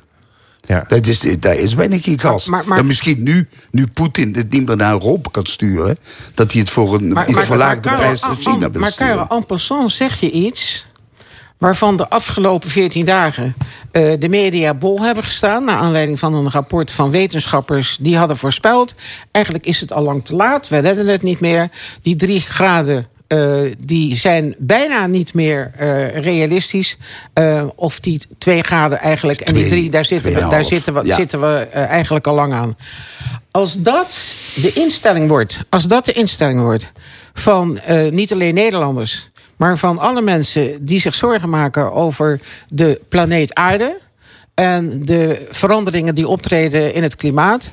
eh, dan vraag je erom dat er een generatie gaat rondlopen die zegt: Het is toch één grote verloren bende. Waarom zou ik me nog ergens druk over maken? Nee, je ik moet ga wel een de uur onder de douche doen staan. om dat te Nee, maar- halen. ja, maar- dat wordt moeilijk. Ja, maar wacht even. Ehm, wanneer je ten opzichte van eh, mensen van 15, 16 gaat toegeven dat we het eigenlijk al verloren hebben, omdat we de afgelopen decennia het verdomd hebben om te luisteren naar. Ik weet niet hoeveel deskundigen die ons gewaarschuwd hebben. Die hebben gezegd dat kan zo niet. Of het nou om de luchtvaart ging, of het ging om eh, eh, auto's die steeds groter werden. En in de Verenigde Staten wilde men niet eens belasting betalen. Eh, daar moest ongeveer de benzine gratis uit de pomp komen. Want anders dan kunnen de Amerikanen niet leven. Het is allemaal gebeurd. We hebben er allemaal bij gestaan. We hebben het allemaal gezien. En nu zitten we dus diep in de problemen. Ehm, en dan kan je zeggen, ja, wat maakt het in godsnaam uit... als je nog twee jaar kolen gaat stoken in Nederland? Dan denk ik, ja, als je zo redeneert, zeg ik ook... ja, wat maakt maar het in geeft godsnaam een uit? signaal- Het kan niet anders. Het kan niet Je geeft een signaal af. Ja, zo Ja. van, Nou, ja. Nee, maar het kan Nou, niet dat- anders. Ja, ik, zie dat, ik zie dat niet zo. Dat je, dat je zegt van, eh, nou, doe zomaar. eh, we doen ik, ik zie dit echt als een noodzakelijke... korte ma- eh, een, een maatregel voor de, voor de korte termijn. Eh, maar tegelijkertijd is het wel zo dat je, dat je dus de mensen moet uitleggen... waarom doen wij dit? En iedereen staat achter eh, Oekraïne, staat achter het verzet in de Oekraïne. Iedereen vindt dat eh, Poetin daar op, moet, op moet krassen. Iedereen vindt dat hij moet stoppen met het misdadige oorlog. Nou, dan, dan kan ik zelf ook niet met mijn geweten in overeenstemming brengen... dat we zeggen, ja, maar onze kachel moet wel lekker... eh, moet wel En lekker dat wel gaan de Limburgse warm kolenmijnen ook nog open. Dat- Wie weet... eh. En Jette heeft gezegd Nee, dat, dat- dat er ook nog een inhaalslag zal plaatsvinden. Ja. Nee, maar dus we moeten daar wat voor over hebben. En we moeten het Ja, gebruiken mag, mag ik dan, in positieve mag zin. ik dan even weten? Want die oorlog is voorlopig nog niet over. Ja. En wat zich in Rusland afspeelt, dat is vele malen erger als wij, wij willen weten.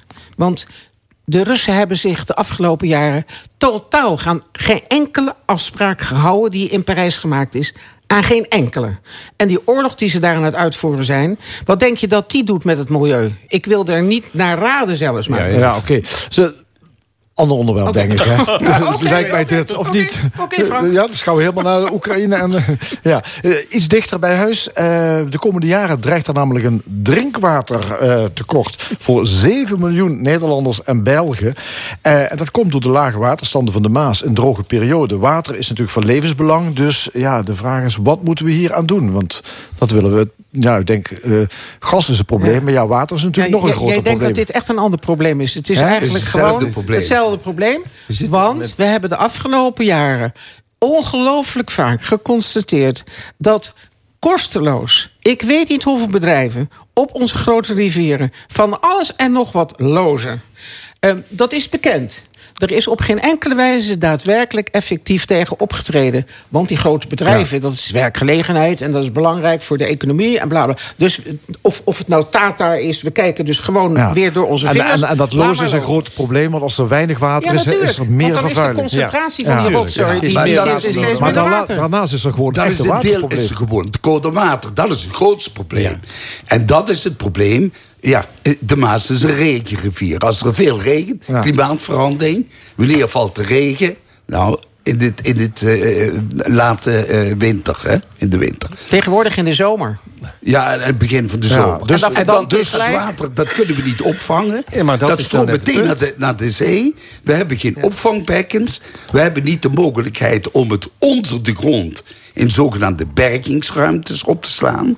Of waar dan ook. Zodanig dat we dat water in voorraad hebben. Voor momenten dat er minder regen valt. En dus minder water door de Maas stroomt. En hoe lang weten moeten we we dat Europees al? afspraken Ja, we maken. laten toe dat niet de Fransen en de Zwitsers en weet ik wie allemaal niet meer... stuwdammen bouwen en het water al afpikken. Zodat in Nederland en Be- België-Nederland... er bijna niks meer aan de achterste de Maas stroomt. Nee, dus het, eh, we, laten, we laten inderdaad de, de, dus de spijker op de kop. We laten ook eh, toe dat mensen hun voortuin eh, helemaal eh, met tegels en asfalt bedekken. We laten toe dat het regenwater gelijk wordt afgevoerd in het riool... en dus op de Maas, bij wijze van spreken, terechtkomt als je niet uit... Dus er zijn een heleboel maatregelen die we niet nemen. Die we dus wel zou kunnen nemen om te voorkomen... dat het water inderdaad wegstroomt zodra het, zodra het hier als regenwater valt. Da- daar, daar moet je Hoe- veel hoe- meer maatregelen nemen. hoe lang is al bekend dat in Nederland als een van de weinige landen oeverloos gedoucht wordt met heel duur drinkwater? Ja. En hoe vaak is al niet gezegd... En zwembaden gevuld worden in los dat, tuin. juist, los dat in godsnaam eens een keer op. En het grondwater oppompen. Discussiepanel. Vandaag met Monique Wind, Jan de Wit, Karel Leunissen. En dit was de stemming. Vandaag gemaakt door Rob van Dierme, Fons Geraas, Frank Ruber. En eh, graag tot volgende week zondag. Dan zijn we er weer om 11 uur. Dit programma wordt herhaald maandagavond om 8 uur. En is ook te beluisteren via onze website l1.nl en ook via podcast. Ik wens u nog een hele mooie zondag.